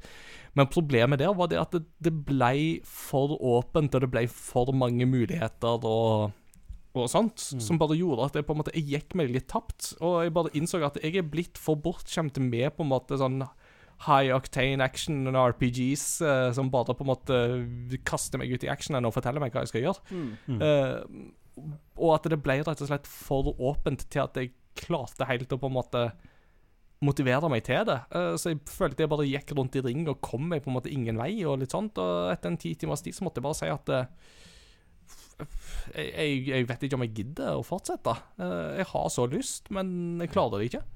Så jeg måtte liksom legge vekk. Um, det mest åpenbare som jeg jo kan trekke fram, det er jo liksom alt av From Software-spill. Uh, Altså, som jeg har prøvd. Har det bare vært sånn Jeg skjønner folk Jeg skjønner at folk liker dette, men det krever mer arbeid enn jeg er villig til å legge ned i det. Uh, det som folk litt sånn nedlatende kaller for get good, ikke sant. Uh, Jeg er ikke så glad i den holdninga, for jeg mener at det, det, det skal være moro å spille. ikke sant? Og det er liksom to kurver. ikke sant? Du har den ene kurva som er liksom hvor gøy det er å spille, uh, og den andre kurva som er liksom hvor mye effort det er å, å spille det. Eh, og når de to kurvene er i en sånn fin balanse, så er, har du liksom den perfekte blandinga mellom utfordring og moro. Uh, men hvis den der effort-kurva blir for, for høy, så blir det litt sånn at det koster mer enn det smaker. Mm. Um, så altså, det spillet som jeg kanskje vil trekke fram mest der, det er jo Sekiro, Shadows Die Twice, Mm. uh, som jo er det From Software-spillet jeg har spilt mest. Mm. Uh, jeg digga alt rundt spillet. Jeg hadde det kjempe Jeg synes det var kjempespennende eh, og veldig fascinerende og alt. Men så kom jeg bare til et punkt der det var bare sånn at nå, nå kjenner jeg at det begynner Nå er det et ork å skulle begynne å starte opp det spillet igjen. Mm. Uh, og da ble det litt sånn at det, Og så gikk jeg bare aldri tilbake til det, for det var andre ting som frista mer. Um, så, men, men igjen, jeg skjønner veldig, veldig godt de som, som liker det, da. Um, og én ting i forbindelse med et spill som jeg spiller nå, som jeg skal snakke om i neste spalte, er det at uh, jeg er ikke enig med de som sier at uh, disse spillene her, de kan ikke ha en justerbar vanskelighetsgrad. Jeg syns at uh, sånne spill egentlig burde ha det, fordi det er ingenting som forhindrer folk som vil ha en beintøff utfordring, å spille det på en høy vanskelighetsgrad. Vær så god. Eh, men for noen av oss så av og til så kunne det vært greit, i alle fall av og til, å kunne sette ned vanskelighetsgraden, og så heller sette den opp igjen senere. Mm. Eh, Mm. Justerbar vanskelighetsgrad syns jeg er en kjempefin ting. Uh, for min del, i hvert fall. Og så forstår jeg at uh, noen folk krever en skikkelig tøff utfordring, og det respekterer jeg helt og fullt. Og jeg skjønner at det, det å klare God of War på Give Me God of War er en egen fantastisk følelse. Den, den unner jeg dere, helt klart. Jeg syns på en måte en ting som forsvinner litt i spillmiljøet, litt sånn som jeg snakka om i stad, om at så, jeg syns det er så bra at det fins så mange forskjellige spill som passer til alle. Men at det, eh, det fins eh, ekstremt mange ulike forbruk av spill. Og eh, jeg har mange ganger slitt med litt sånn dårlig samvittighet for at jeg har lagt fra meg et spill, eller at jeg ble lei av et spill, eller at jeg begynte på noe annet for jeg hadde lyst til det. Og så har jeg på en måte bare kommet til den eh, konklusjonen sjøl at det er helt greit. Det er jeg som bestemmer mitt forbruk av spill. Det er, ikke, det er ikke noen andre som skal bestemme om jeg skal sitte og lide meg gjennom et spill jeg er ferdig med. I mitt hode eller ikke syns er gøy lenger, bare fordi at Ja, men du må jo spille ferdig. Så er det litt sånn Ja, ikke det at det er noen som sitter og sier det til meg, og du må spille ferdig, men litt den der følelsen av at liksom Å, jeg ga opp, eller jeg fullfører eh, ett av 20 spill jeg begynner på, eller ett av 100, eller hva enn det skulle være, da. Og så er det jo noen som fullfører alt. Ikke sant? De legger ikke fra seg et spill før de er ferdig. Men jeg syns det er Mm. viktig at det er jo på en måte eh, Det er jo er helt personlig, helt subjektivt, åssen man er en forbruker Mm. av spill, da. Eh, så er det litt sånn Fullfør det du har lyst til å fullføre, og Hva skal jeg si Ikke fullfør det du ikke har lyst til å fullføre, på en måte. Ja. Du kaster Ja, bort Det er ikke mm. vits å kaste bort tida på det, da. Eller det, da, da blir det ikke, da er det ikke gøy lenger. Mm. Spill det du vil, kos deg med det sånn som du koser deg best med det, og ikke drive med gatekeeping. Mm. Mm. Det var jo litt det jeg Når jeg begynte med Witcher-serien, så hadde jeg en samtale med deg på forhånd om når jeg skulle begynne med Witcher 1. Ja. Um, og da sa jo du det at altså, Witcher 1 er altså det Storyen er- det er en veldig bra historie, og det er jo for så vidt et bra spill, men spillmotoren er jo et mareritt. Mm. uh, som gjør det veldig vanskelig, og gjør det veldig Det blir veldig tungt i lengden. Mm. Så, så du sa jo altså så Witcher 1 Du spiller så lenge du orker, og så leser du det opp på slutten. Ja. Og, og det var egentlig Og jeg koste meg veldig lenge med Witcher 1, men det ble i, Over en lengre periode så ble det jo så tungt. Mm. Du kom til et punkt. Mm. Mm. Og, for du, du merker at det, det er, ting er ikke helt som det egentlig skal være når du styrer den karakteren. Når du Mm. styrer Gerald, så ja det, det flyter ikke så godt som det gjerne skulle gjort. da Og så kommer du jo til Witcher 2, og det er jo Hoppet fra én til to der er jo helt Det er helt insane! Det er så svilt. Plutselig, plutselig så hadde CD Projekt Red fått litt mer penger. Altså Det første The Witcher var jo det første spillet de lagde, Mm. og det merker du veldig tydelig. Ja. Og så har de plutselig fått mer penger og mer oppmerksomhet, og sånt, og da, vet du, med The Witcher 2, da får de virkelig klinka til, altså. Mm. Mm. Så det Så absolutt Altså viktig, som, som vi sa i stad, det viktigste er det artig. Ja. Uh, Helt Ja. klart. Ikke slite ut. All right. Det ble en eh, liten sidetrack eh, fra lytterne. Det er jo egentlig deg vi skal høre fra her. Vi, vi er gode på det. Nei, men det er godt når samtalen flyter, og jeg tror Mm. dette er en, eh, et samtaletema som Og jeg tror mange av våre lyttere kan være viktig og engasjerende, så by all means. Um, skal jeg like gjerne bare gå i gang, jeg, med å lese opp uh, innlegget i Åsmunds hjørne.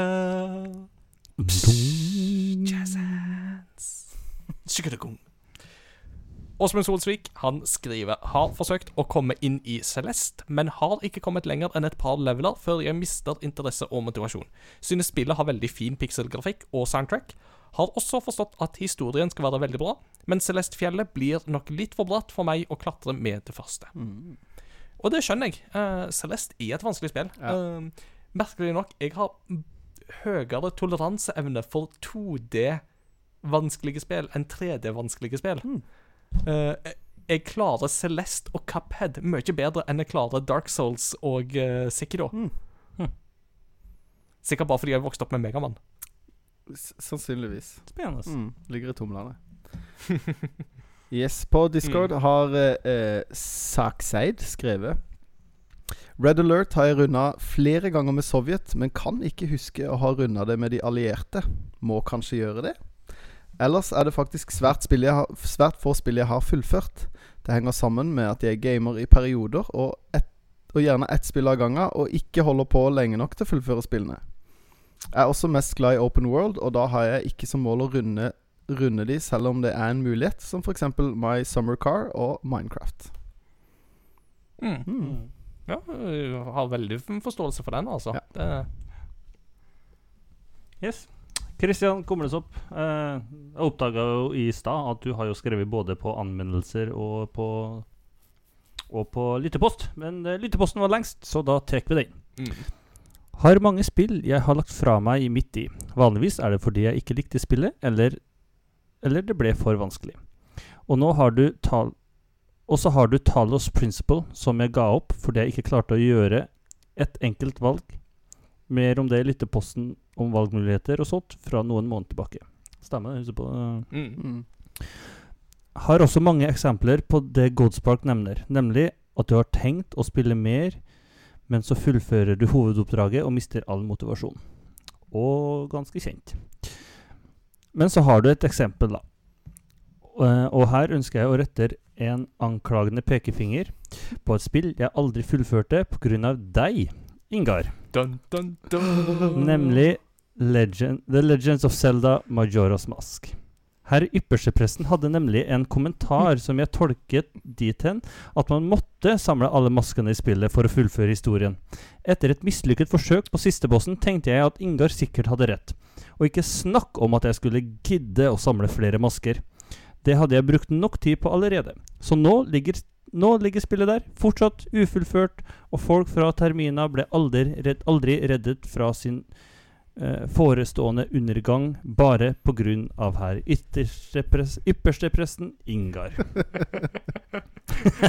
jeg, jeg, jeg, jeg, jeg, nå, nå tar jeg en pilatus her og toer mine hender og sier jeg er uskyldig i denne sak. Nei, det er håra bud. Ja, Eh, Altså, jeg er ikke ferdig ennå. Men, eh, men ja, altså, det, det viser at vi skal passe Pass på hva han sier her. Det, de lytterne hører på hva som blir sagt, da. det, det er jo kjekt, da. Mm. PS. Siden sarkasme og sånt er vanskelig å uttrykke skriftlig, jeg bærer ingen nag til deg, Ingar. Alle anklagende pekefingre er rettet i ren humoristisk ånd. Ja, det er bra. Det er bra. PPS. Ja, jeg skriver også Ja, jeg skriver her også selv om jeg allerede skrev under anmeldelser og artikler. Mm. Hva skal jeg si? Jeg er rebell. ja, det var jo Det det. er jo da han, at han har skrevet dobbelt opp i Discord, altså, for de som ikke Mm. er der. Som Rebel. jeg sa i starten. En Så det. ekte det, er- er lytterskarens egen James Dean. Rett og slett. Jeg fikk mail fra Steam. Året and the Will of the Wisp er på 50% Uh, breaking news, ladies at ja, det må vi ha med. Breaking news! Good news, everyone! yes. Kan jeg Nei, jeg bare, syns det, var- det var litt eh, Det var Ja. en god tekst. jeg må bare skyte inn en, eh, en eh, Min, min yndlings norske TV-blooper eh, var eh, når det var direktesendte nyheter, og så sitter han reporteren, og så lener han seg til sida, holder seg til øret, sier han Da har jeg akkurat fått inn på øret at Molde har utligna til 0-0.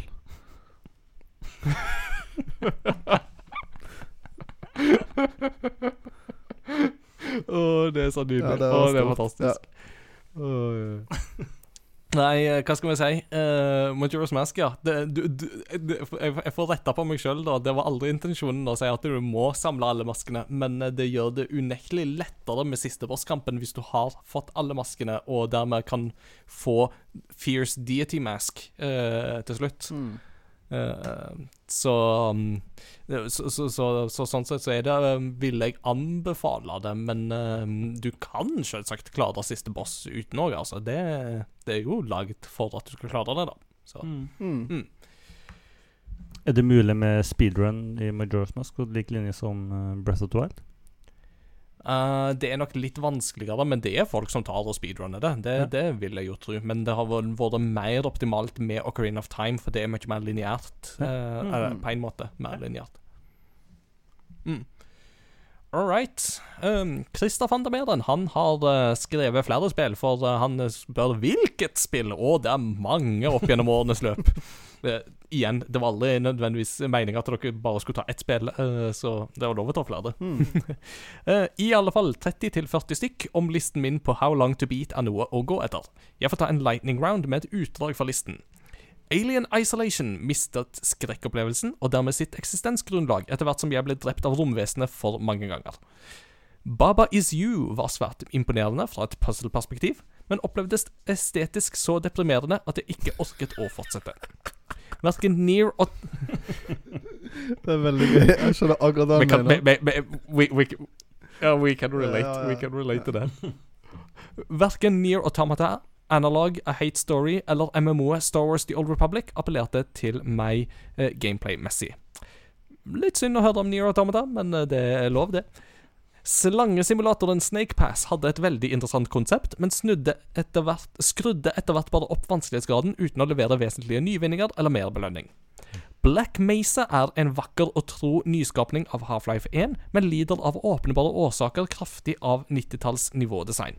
Det var det òg en annen i uh, lytterposten som kommenterte om Half-Life, så ja. Mm. Gammelt gameplay finner man også i The Fall, hvor Giant Bombs pris for beste historie 2014 ikke kan redde en opplevelse i stor grad basert på de gamle eventyrspillenes pek og klikk, og kombiner alt med alt annet for å se hva som funker. Ja. Alt det med bindestrek, altså. Republikk utforsker orwellske temaer som eh, både er interessante og aktuelle, men det er rett og slett ikke et bra spill. Mm. For ikke å snakke om alle spillene som for så vidt er gode, men som jeg rett og slett ikke opplevde som givende nok til å fortsette med dem. Alpha Protocol, Burnout Paradise, Celeste, Divinity Original Sin 1 og 2 Hei, hei, der dukka Divinity opp òg. Dying Light, Hob, Hugh, Oceanhorn, Sunless Sea, The Book of Unwritten Tales, The End Is Nigh, Unmechanical og Schrodingers Cat and The Raiders of the Lost Quark, som jeg riktignok kjøpte i hovedsak. Den beste spilltittelen på lenge. Ja, ja, ja. Som, som, man da på, på, som man poengterer i parentes, som jeg riktignok kjøpte i hovedsak pga. den fantastiske tittelen. Det var en kjempegøy tittel. Å, takk for meg. Uh, her leste så det grines, i alle fall fra min ende her. Uh, Det er mange gode og kritikerroste spill i listen min, men smaken er som baken. Alt har en kostnad, og tid man bruker på å tvinge seg gjennom et spill man egentlig er lei, er tid man kunne brukt på noe som faktisk gir deg noe. Enten det er mer givende spill, eller noe helt annet. Ja, pluss én. Og det er helt sant. Ja, ja, ja. Mm, absolutt. Som en honorable mention så må jeg òg lese Dan Vegard Sletten sin, for han skriver The Lion King på Snes. Åh! Ja. Det, det, det, det er vel notorisk oh. kjent den er for å være vanskelig. Den er uh, uh, uh, Hippo, det heter på norsk heter det flodhest. Eh, Halene du skal drive og henge fast i, det er jo Altså, det er den Ja. Mm. Det er Snakk om pixel perfect, det der, altså.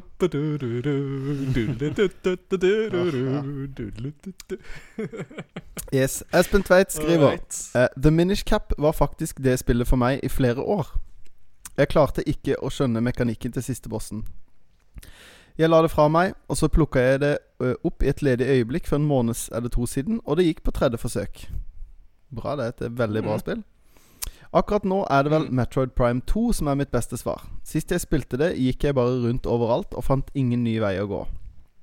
Litt trist, siden den trilogien egentlig er ganske så fantastisk. Jeg er også rebell, siden Mm. jeg kom på enda et spill å nevne. Rayman DS, en port av Rayman 2. Siste bossen der krever my noe i bevegelser, som sikkert er mye lettere om man spiller på en konsoll med stikke. Mm, ikke sant. Mm. Gode svar der. Mm. Mm. Erik eh, skriver Så å si alle plattformspill. Litt mer enn mindre. Ja. Bortsett fra Super Mario 64. Det har jeg gjennomført, men ikke tatt alle stjernene. Ori, Shovel Knight, Super Mario, Megaman, Sonic, Jazz, Jazz, Jack Rabbit. Alt virker gøy, men det fenger ikke nok til at jeg fullfører. Mm. Det er veldig, veldig interessant, det der. altså Som, som søskenbarn så har vi mange ting vi deler, men akkurat den der forkjærligheten for plattformspill som jeg har, den uh, har, har jeg ikke klart å videreformidle. Mm. Så Men eh, det det er bra, det òg, at vi er forskjellige. Så Og jeg syns det er veldig spennende å lese disse listene til folk og argumentene og sånt, så det er mye spennende. Veldig mange gode svar her, både på Facebook og på Discord. Så hvis uh, du har lyst til å skrive dine svar på neste lytterpost, så bare gå inn på crossovergaming.no, og så finner du lenker til Facebook og discorden vår der. Så bli med, bli med. Og hvem vet, kanskje du blir eh, inspirert av noen av de andre til å faktisk fullføre et av disse spillene som har vært snakk om. Eh, det tror jeg f.eks. var case med Diminish Cap, som var snakk om her, at eh, det var litt sånn fordi vi snakka om det, at Eller at det i discorden at det ble snakk om det spillet, at den gikk tilbake til det. Men det kan hende jeg innbiller meg det òg, altså. Så ikke ta meg uh, på uh, kild, Kildekritikk er viktig her. Ja.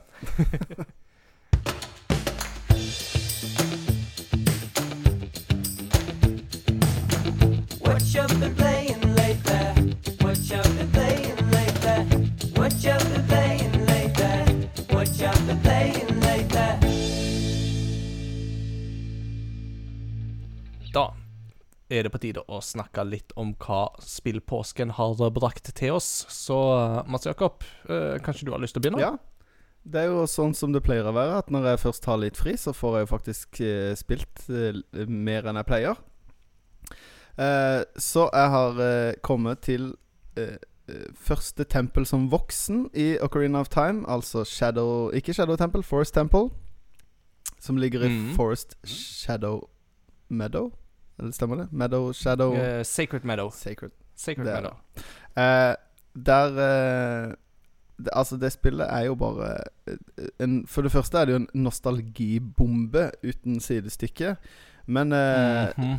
Når jeg faktisk tenkte over det, så er det Jeg tror faktisk ikke jeg har satt meg ned og spilt gjennom det siden jeg spilte det gjennom det første gang. Jeg har spilt det porsjonsvis, og så har jeg hjulpet folk og Mm. ditten og datten, men det er første gang på i alle fall 15 år at jeg setter meg ned og spiller gjennom det spillet. Wow. Uh, Det, jeg, jeg, jeg hadde en periode der jeg spilte det sånn en gang i året, uh, men det er lenge siden jeg har gjort nå, så jeg blir litt motivert til. Ja. å ta det opp igjen. Og så spiller jeg det jo, som jeg nevnte forrige gang, på GameCube, og ikke på eh, Nintendo 64. Eh, som fører med seg én sånn liten irriterende ting. Og det er at den Nintendo 64-stikka er jo en analog En helt analog stikke. Den har jo ikke eh, Altså, der er det eh, ting inni spaken som blir flytta på. Den har ikke noen sånne eh, eh, digitale kontaktpunkter. Eh, og så er den mye mindre følsom. Eh, mens GameCube-stikka den er ganske mye mer følsom. Og er litt sånn Mm. eh, Den har ikke en sånn gradvis eh, eh, Hvis du går litt sakte fram, eller bare bitte litt fram, så går den bitte litt fram. Den er litt sånn choppy når du skal prøve å gå litt fram. Så det å sikte med våpen er mye mindre nøyaktig enn det var på Nintendo 64. Eh, Noe som er litt irriterende når du skal sikte på en fiende på avstand, eller du skal liksom treffe et punkt med hookshoten når du skal bli, dra deg sjøl opp. Mm. Uh, så, eh, men nå har ikke jeg testa det på 64 for å se om det er det, men følelsen er ikke helt lik, da. Sånn som jeg husker det. Uh, men skikkelig, skikkelig gøy. Og så Mm. har jeg eh, litt sånn eh, rett bak retrospillauget fått spilt gjennom eh, eh, Portal 1 og halve Portal 2. Oh, joy. Eh, so much testing. Now you shall have cake. og det er supergøy. Jeg har ikke spilt det før. Eh, Det er så Og så satte jeg meg ned en kveld og hadde fått rigga opp eh, For det, akkurat nå så sitter jeg på et nytt sted, som Ingar kommenterte litt i begynnelsen. Jeg visste ikke helt hvor jeg var, men jeg sitter da i stua, og vi har rigga opp eh, Vi har lagd en tegnebenk til guttene våre. En eh, litt sånn lang Ja. benk som de kan sitte og tegne ved. Og ved siden av der så har vi satt et gammelt skatoll, og inni der har jeg alt PC og Mac-utstyr. Eh, så jeg har et sted hvor jeg kan liksom rigge fram den PC-en litt raskt, som jeg fikk donert. Ja. Og da Nice, satt jeg en kveld og tenkte nå skal jeg spille Portal. For nå har jeg hatt lyst til å spille det lenge, og nå har jeg en mulighet til å spille det. Og Ingar sa det er jo ikke så langt, det tar noen timer. Eh, Mm. Jeg var i seng halv fire. Da var jeg ferdig, for jeg tenkte ja, men Ingar sa det var ikke så langt, så det kan ikke være mye igjen. så jeg er tydeligvis ikke så rask som deg, Ingar, på uh, sånne spill. Uh, så det tok litt lengre tid, men det er veldig veldig lenge siden jeg har satt meg ned og spilt et spill fra start til slutt. Eh, Og Mhm. det er eh, en følelse som er veldig god. Å være ferdig og bli få høre den fantastiske sangen på slutten. Det var, det var en god opplevelse. Åh. Eh, That is a triumph. I'm making a note here. Huge success. It's hard to overstate my satisfaction. Helt rått. Nei, så det, jeg syns det er gøy. Og uh, jeg liker uh, utviklinga fra Portal 1 til Portal 2. Jeg syns de kommer med ny, nok nye ting til at det er spennende, men ikke for mye til at det ikke føles som bare mer Portal. Så det Mm. gleder jeg meg til å spille gjennom. Og så helt til Ja. slutt så har jeg fått uh, tilfredsstilt en kløe som har eksistert lenge. For det jeg leste en artikkel om at eh, em, Jeg tror også det var på Kotaku, eller om det var IGN, som skrev, at, uh, som skrev om et spill som heter Clap Hands Golf, som ligger på uh, Apple Arcade. Som er utvikla Ja. av de samme som la, har lagd Hotshots Golf og Everybody's Golf. Mm. Og et sånn Yes. uh, japansk eh, De har kommet Altså samme spillserien har kommet ut under tre forskjellige navn. Og nå fire. Mm. For det er egentlig det samme, da. Så det er et veldig sånn arkade-approach til golfspill. Hvor du eh, Ja. nå spiller i Clap Hands Golf, så spiller man eh, på en måte små segmenter hvor man spiller tre baner om gangen. Men gimmicken her er Mm. at du, du spiller som et lag. De, storyen er at liksom eh, Golfverden har blitt revolusjonert av den nye måten å spille golf på, hvor man spiller som et lag istedenfor å spille de, Vi har gjort golf til en lagsport. Men greia er egentlig bare at du har masse characters. Eh, I begynnelsen så har du fire, og så unlocker du ganske raskt flere characters.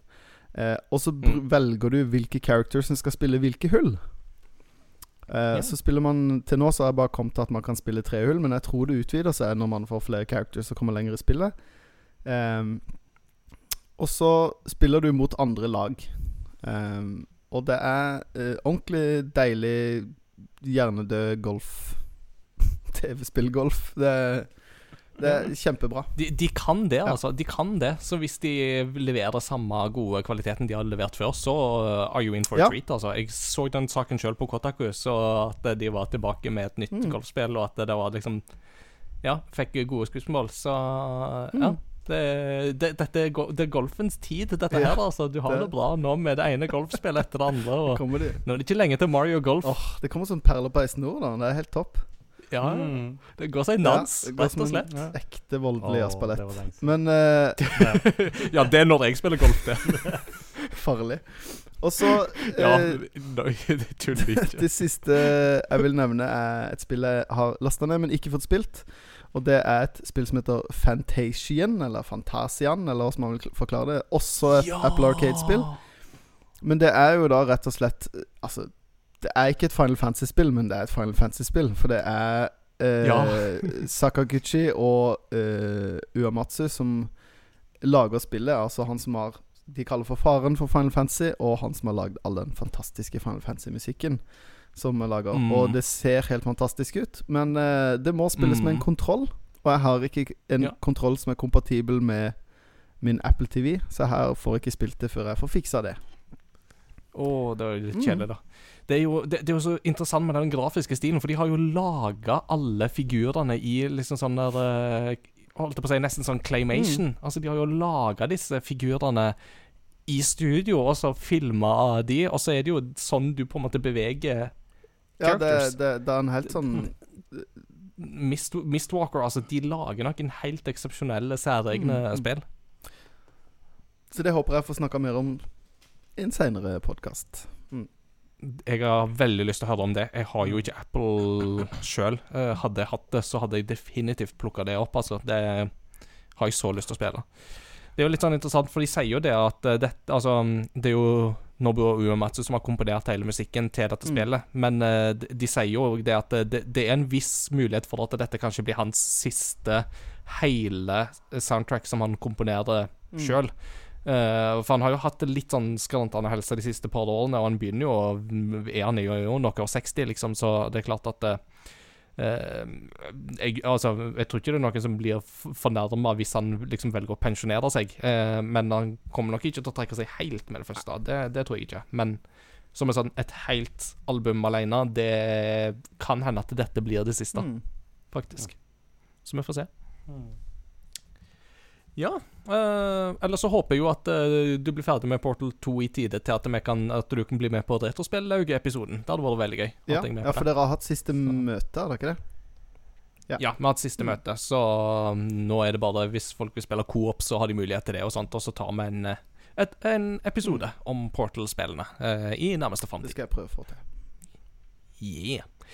Eh, jeg har eh, spilt ferdig Hitman 3 siden sist. Det har jeg hatt det kjempegøy med. Eh, Altså, Det går jo på en måte litt i ett når jeg har spilt hele trilogien på en gang. Uh, men altså, jeg har bare storkost meg fra start til slutt med Hitman-spillene. Og jeg skjønner hvorfor folk har snakka så varmt om de spillene, og bare anbefaler varmt Og for, Altså, jeg jeg stiller meg helt bak den. Altså, Plukk det opp og spill. Det er så gøy. Og det at du har så mange muligheter i de spillene til forskjellige assassinations er jo bare Det er jo bare helt absurd til tider hvor stor valgfrihet du faktisk har. Mm. Eh, og hva du liksom blir oppfordra til uh, på liksom, Du blir jo noen ganger oppfordra til å gjøre ganske fæle ting, altså. Så det var um, Det er ganske lange YouTube-videoer på eh, om hvordan forskjellige metoder å drepe. Ja, ja, altså i- nå I Hitman 3 så er det jo en, det er jo en bane der du er i Mendoza av Argentina, eller som jeg liker å si Mendoza! Som for de som kjenner Simpsons. um, men jo, uh, du er på sånn vingård i Argentina, og så kommer du liksom til vinpressene og sånt, og bare sånn Hm, vinpresse, hei. Jeg brukte den. Ja, det Det går den veien det må gå, liksom. Nei da. Det, men jo, Hitman 3 er absolutt uh, gøy. Um, største svakheten med det spillet er nok det at det er nok kanskje litt lite nytt sammenligna med Hitman 1 og 2. At de, de kjører veldig trygt. Um, så, og, så det merker man nok, og at nyvinningene fra de foregående er nok eh, kanskje litt vanskelig å få øye på. Men um, og, og, kanskje òg vil jeg si at det noen Altså Hvis du skal tenke sånn helhetlig, så er det nok kanskje Hitman 1 som har de beste oppdragene, sånn samla sett. Eh, men du har noen veldig gode i Hitman 3 òg, som definitivt gjør at dette blir gøy. Og nå gleder jeg meg veldig til å se det James Bond-spillet som de skal lage i IO Interactive. Mm. Det Å, ja. blir veldig kult. Ellers så har jeg havna skikkelig på Apex Legends-kjøret igjen. Jeg har spilt det masse nå på PC, og- og blitt skikkelig hekta på det igjen. Og det er liksom bare Nå begynner det endelig å løsne litt i liksom i, i winst, altså, Om jeg vinner så mye, det er ikke så Men altså, jeg, får, jeg føler iallfall at det mest, Jeg føler at det meste det, det er bedre, eh, med skytefølelse og alt. Så det er blitt veldig gøy i påsken å ha liksom hoppa ned i og eh, ta liksom noen økter, og så gå videre til noe annet. Så ja.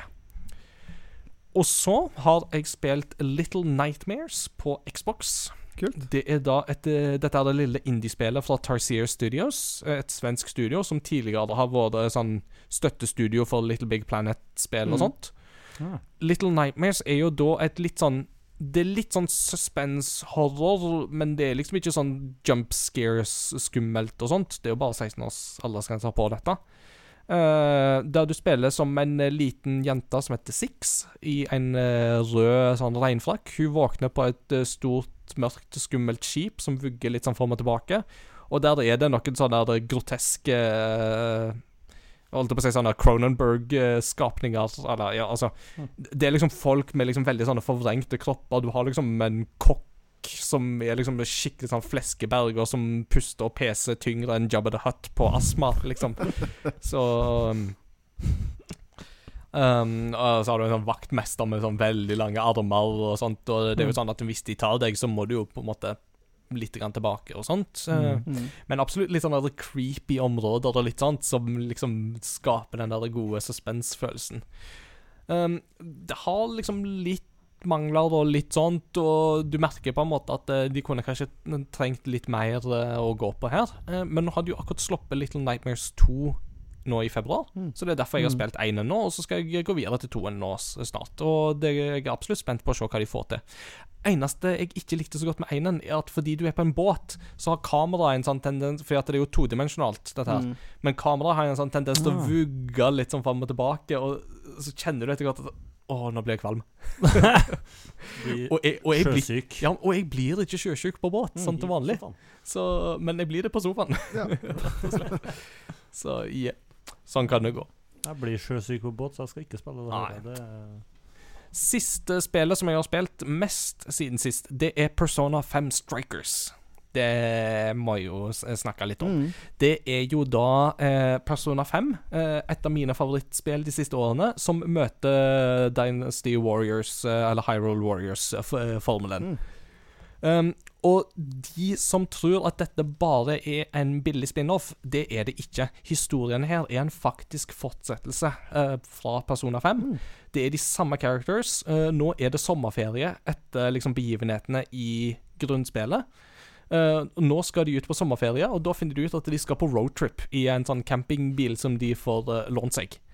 Eh, samtidig så oppdager de da, takket være en sånn ny sånn app, som er en sånn Siri-lignende app som heter Emma, at eh, de kan reise tilbake til metaverset, altså underbevissthetens verden. Mm. Eh, og der har det oppstått noen sånne nye sånne der områder. um, men der du i det første spillet hadde såkalte palass, som da var liksom sånne konstruksjoner som vokste fram av eh, enkeltpersoners ekstreme ego, eller eh, deres ekstreme negative følelser. Mm.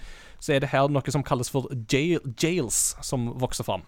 Der uh, de som da er jailens uh, monarchs, de tar da folks uh, begjær og ønsker og liksom tar de til fange og livnærer seg på de i stedet. Um, så um, jails ligner litt på palaces, men samtidig så er de litt forskjellige. Um, og det som er Og Persona 5 Strikers er litt blanda drops, um, fordi uh, Med en gang jeg satte meg ned med spillet og var i gang, og characters poppa opp igjen, og det var liksom samme områdene og en del av den samme musikken som kom tilbake og sånt. Jeg satt og gliste fra øre til øre. Jeg bare var så glad for å være tilbake. Mm. Og det var sånn at kona sa bare sånn her Å, oh, nå kjenner jeg at du er glad. Mm. At hun hun liksom merka det. Og det var liksom Det var som å henge med gjengen igjen. Altså gamle Og liksom møte gamle venner og liksom ha den gode følelsen. Og jeg kjente bare sånn Jeg har savna de. Altså Selv om det bare er noen få måneder siden jeg spilte Persona 5 Royal, så jeg savna den gjengen. Og jeg er så glad i det universet der. Um, men så er det jo den store caveaten her, er jo det at uh, istedenfor å ha et 100% turbasert rollespill, så er det jo nå et sånn hack and slash-type spillmekanikk, der du har hundrevis av fiender på brettomgangen, og så skal du hakke løs på de. Og så kombineres dette her med at du har personer som gjør at du kan ta litt sånn magiske angrep og sånt basert på elementer osv. Mm. Og den kampmekanikken der er ikke like godt integrert som jeg gjerne skulle ønske. Og det å gå ifra kampmekanikken i Persona 5, der du har 100% kontroll og oversikt hele tida, til å gå over til noe som er veldig, veldig kaotisk, det føles ikke like godt, altså. Det kan være fryktelig frustrerende til tider. Mm. Ikke minst fordi at det, det har noen spikes i vanskelighetsgraden av og til som er horribelt irriterende. Mm. Mm. Sinnssykt irriterende. Uh, veldig ubalansert på det området der. Og så er ikke disse jails i dette spillet like bra designa, syns jeg, som det palassene var i Persona 5. Mm. Uh, så banedesignet mm, er, er ikke like godt. I tillegg så er det noe med bevegelser og animasjoner og sånt som jeg føler heller Det, det er noe litt sånn kunstig ved det. Det er liksom ikke helt Det, det føles litt som en sånn der Ja, det er personer, men det føles som en litt billigere utgave av personer. Mm. Mm. Eh, hvis du skjønner. Ikke First Price, men ikke helt der heller. Eh, Eller, men ikke liksom helt på topp, da. Og på toppen av det igjen, så er det noe med at en viktig del av Persona 5, eller Persona-spillene generelt, er jo alt du gjør rundt i disse spillene. Det handler jo ikke bare om at du skal liksom infiltrere områder og ta fiender, og at det er rollespill og sånt, men det er jo denne balansen med at du går på skolen på dagtid, og så må du disponere tid på ettermiddagen. Skal du infiltrere eh, metaverset? Skal du henge med vennene dine? Skal du gjøre den aktiviteten? Eh, skal du Altså, time management er jo alltid en sånn greie, ikke sant, i personerspillene. Mm. Og det har du ikke her. Uh, alt det er på en måte skrelt veldig vekk. Eh, og ekstremt begrensa med at du har noen få sosiale interaksjoner du kan gjøre innimellom, men ellers handler det stort sett bare om uh, jail eh, infiltrations. Mm. Og så da at historien progresserer med at du drar videre til neste by i Japan. Men det er veldig gøy da, at du reiser rundt omkring i Japan til faktiske lokasjoner rundt omkring, så jeg har skikkelig lyst på en roadtrip til Japan nå.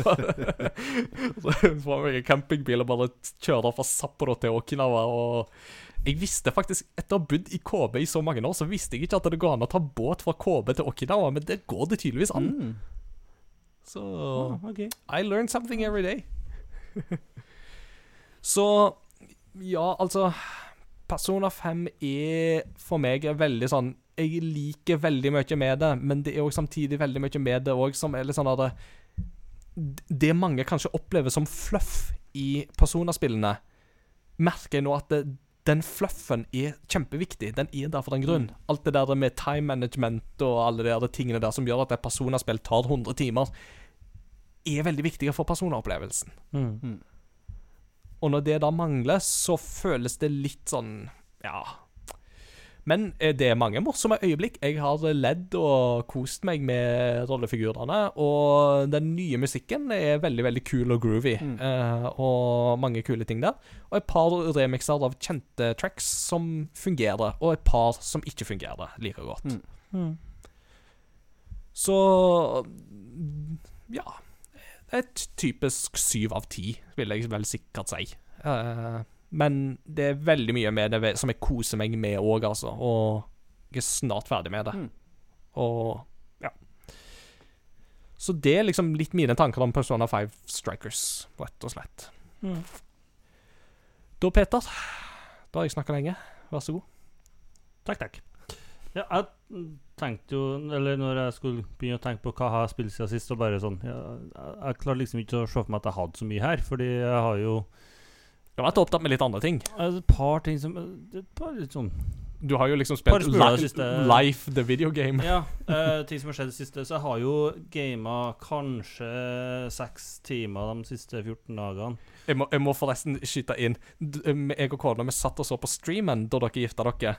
Og da du og kona sto liksom oppe i kirkerommet og var liksom klare til å gå ned, så hadde jeg så lyst til å bare få tatt et screenshot der og så få en sånn 'achievement unlocked'. og sånn, pling, kung.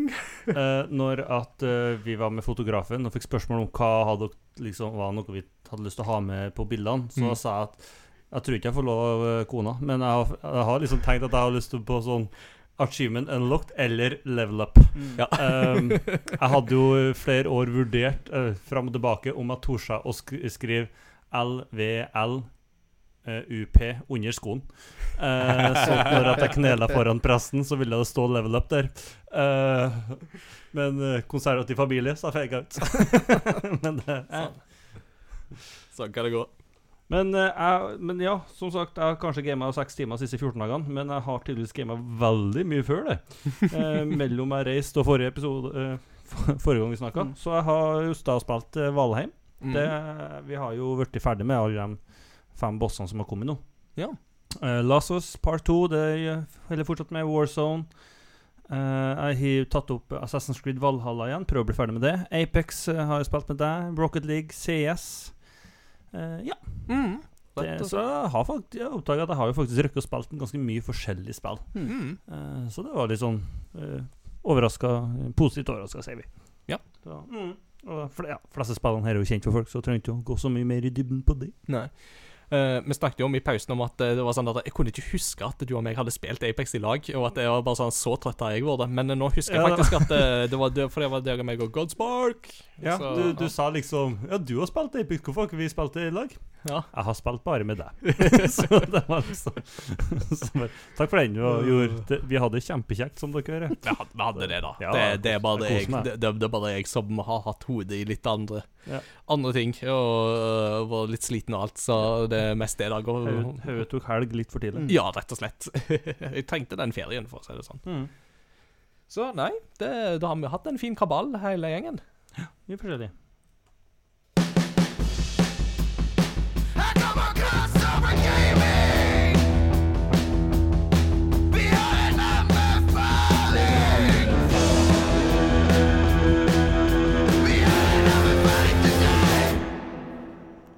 All right. Anbefaling, Peter. Eh, vi vet at du, å gifte seg kan anbefales, skjønt kanskje ikke i koronatidspunktet. og sånt. Det er sånn, ikke i- i- Gift deg, men ikke under en pandemi. Eh, Unødvendig. Hvis du liker spenning i livet, så kan du gjerne gjøre det. Og mye spenning og mye motgang, da kan det anbefales, men eh, nei. From, so from Software-spillere, tar dere en bolle. Ja. Det Å, kjære vene. Det, eh, så nei, det, ikke, ikke gjøre det. Men uh, et par ting som jeg vil uh, anbefale. Mm. Uh, jeg vil trekke fram eh, det vi har snakka om i dag, Open World Survival. Og da Valheim eh, kanskje først og fremst, som er nyeste, Mm. eh, som er veldig i hypen nå. Eh, det er et utrolig kjekt spill. Eh, men så vil jeg òg trekke fram eh, Last of Us Nei, det er zombiespill, det òg. Mm. Men ehm, Seven Days To Die, eh, som har et, et spill som har vært ute litt lenger, og de har kommet litt lenger, så det er litt mer å gjøre der. Mm. Eh, og har kanskje enda mer frihet, eh, syns jeg, da, eh, enn Valheim. Så det er to spill som jeg absolutt anbefaler, som jeg har nevnt i dag. Eh, siste, en ting som jeg har begynt å høre på i det siste, og det er jo da på YouTube, så har du Crit Critical Role, Ja. som er da, Det er fullt av stemmeskuespillere som har samla seg, og så holder de på med Dungeon and Dragons. Og da har du jo annet Matthew Mercer, som er eh, Som er DM eh, der. Og han er jo da kjent fra Overwatch som en viss cowboy. Um, I'm not good, I'm not bad, but I'm sure as heck ain't ugly. Mm -mm. Uh, og det er, de er utrolig flinke. God uh, underholdning og god humor. Og når du når du, når du samler seks stemmeskuespillere i et og samme rom, da er det altså du får, Det er god stemning. Det er, kjempe, det er utrolig bra. Og du har flere vekker med underholdning der. Så det er bare å sette i gang. Eh, sjekk ut det. Smooth. Mm. Så det var da altså Valheim, Seven Days To Die og DND-podkasten Critical Role. Yes. For dette er en hebreke pachinko-kontroller til Super Nintendo. It's curiosity. What are you gonna show to me? It's curiosity. What a neat thing to know. It's curiosity. What are you gonna show to me? I haven't even heard of it. What a neat thing to know. It's a great part of the show. ja, det er visst jeg som skal ha kuriositeten, eh, kom jeg på. Og da var det litt sånn at jeg må begynne å grave litt sånn der, Og hva kan jeg av eh, merkelige fun facts? eh, eh, og da må jeg bare skyte for hofta og bare sånn Å, hva er det vi har eh, holdt på nå i det siste? Jo, jeg og kona vi har sett på Star Wars The Clone Wars på Disney Pluss. Eh, veldig gøy å introdusere henne for det. Eh, Det er så kjekt, og, og for meg så er det veldig kjekt å se det på nytt. Uh, så veldig, veldig trivelig. Eh, og det som er litt gøy, er jo det at det er et par stemmeskuespillere i uh, Clone Wars som òg har spillerfaring. Eh, og det er jo en litt sånn gøyal kuriositet. Én ting er jo eksempel Tom Kane, som jo du hører i starten av alle Clone Wars-episoder. Det er han som har den der filmavisen-fortellerstemmen. Captured by drones, Anakin Skywalker and Obi-Wan Kenobi travel to Tatooine to travel to negotiate with Jabba the Hutt. Han har òg stemmen til Yoda der, hvis jeg ikke husker feil, i den serien. Um, men han har jo òg annet vært med i spill som uh, uh, The Curse of Monkey Island. Oi. Så hadde han vært med. Ja, for det er han som er han her den franske kapteinen som sn snakker om Blood Island og sånne ting. Og han er mm, Som jeg jeg, ikke husker navnet på akkurat nå, kapteinen, hmm. men eh, en veldig veldig festlig type i det spillet. Som i utgangspunktet har veldig veldig langt og front og fint hår, og så blir jo det raka av han som følge av at du planter lus på ene kammen som frisøren bruker, og frisøren bare snakker om «Ah, it's the scourge of the sea! og begynner å kutte av alt håret hans ved at jeg må bare liksom rake det av. Så ja, så Tom Kane, ha, så Tom Kane er en eh, stemmeskuespiller fra Clone Wars som har spillerfaring. Men en annen som òg har uh, rik spillerfaring, det er James Arnold Taylor, som har stemmen til Obi-Wan Kenobi i serien. Og han eh, kjenner vi blant annet eh, for eh, dette her.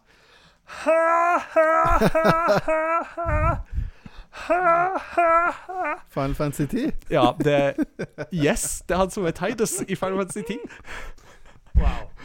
Snakk om kontrast. Å gå ifra den jyplingen av uh, Titus i Final Fantasy 10 til å gå til Obi-Wan Kenobi i Clone Wars, det er liksom Det er kontrapunkt. Det er kontrapunkt så til de grader. Han, han har ikke sånn latter i Clone Wars, da. Det er, tatt seg ut. er kanskje like greit. I have the high ground.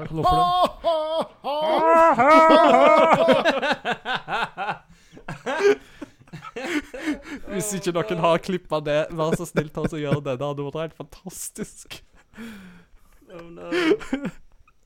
Åh, nydelig. Så ja, så det var den lille kuriositeten eh, der, altså. Eh, Tom Kane og James Arnold Taylor. Postludium, Mats Mm. Jakob. Det er det du som skal, skal få. Og um, tør jeg, eh, tør jeg lukte på den litt, eh, Å litt ja, selvfølgelig.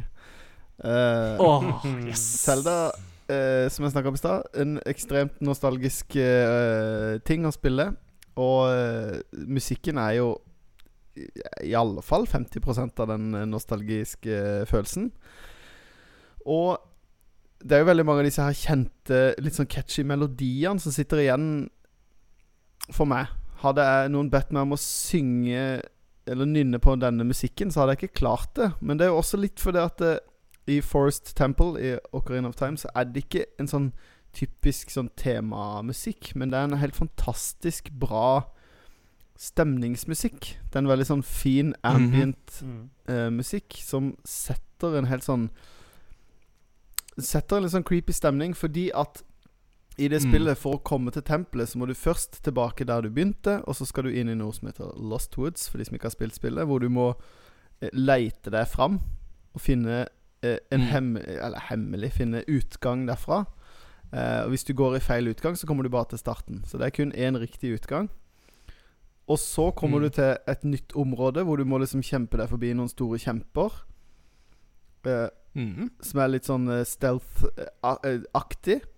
Og så kommer du til Mm, tempelet. mm. Så dette er på en måte det tempelet som er liksom Det er et glemt, gammelt, gjemt tempel langt inn i en eh, eh, litt sånn forheksa skog.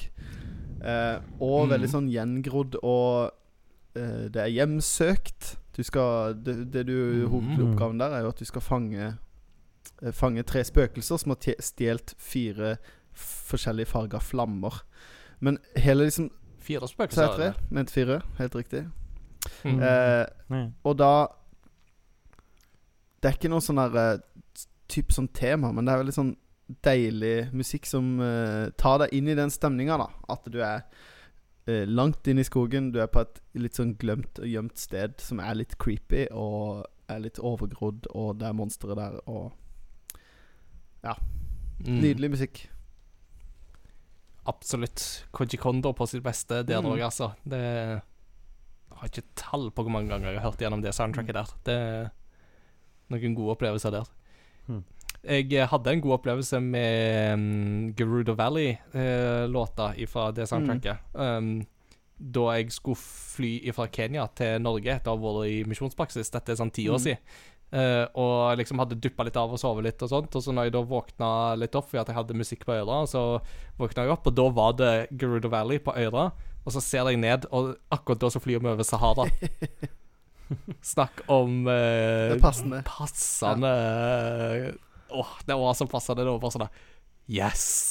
Dette det er bare sånn These things in life. Priceless. Mm. All right. Da har vi kommet til veis ende for denne gangen. Det har det vært en glede å ha praten, som vanlig. eh, Og veldig gøy å høre fra lytterne om hva de har eh, Hva spill som uh, ikke som, som vi ikke har klart å bli ferdig med, og hvorfor. Hva spill vi ikke liker? ja, ja men det, altså, det kan jo være spill de liker. Det, det, det, det er en helt annen diskusjon. Det er bare sånn, Hva spill liker du bare ikke? Så enkelt er det. det. Men jo, uh, med, tusen takk til alle dere som hører på. Det er kjempetrivelig å mm, holde på med dette for dere. Uh, ta gjerne og spre ordet om eh, hvem vi er og hva vi holder på med, og tips uh, venner og kjente om, om oss. Vi er der podder kastes, sånn generelt. Eh, Spotify, iTunes, Soundcloud etc. etc. etc. Eh, sjekk oss òg ut på crossovergaming.no. Der finner du lenker til både vår Facebook og Discord. Blir gjerne med i vår Discord eh, der. Der er det for tida ganske mange sånne spillquizer som uh, er gående. Der Mm. folk poster både skjermbilder og spillmusikkstykker og bare spør hva spiller dette for. Og noen ganger så er det kjempelett, andre ganger så er det helt umulig å få til. Så det er veldig artig. Som regel den siste der kjenner jeg. Men det går fint. Jeg koser meg. Du lærer litt, da. Og lærer veldig mye. Ja, ja, ja. Det er bra for en gaminglærer. Mm. Mm. Vi er tilbake om en to ukers tid, så vi snakkes ved neste korsvei. Ha det bra! Ha det bra. Ha det.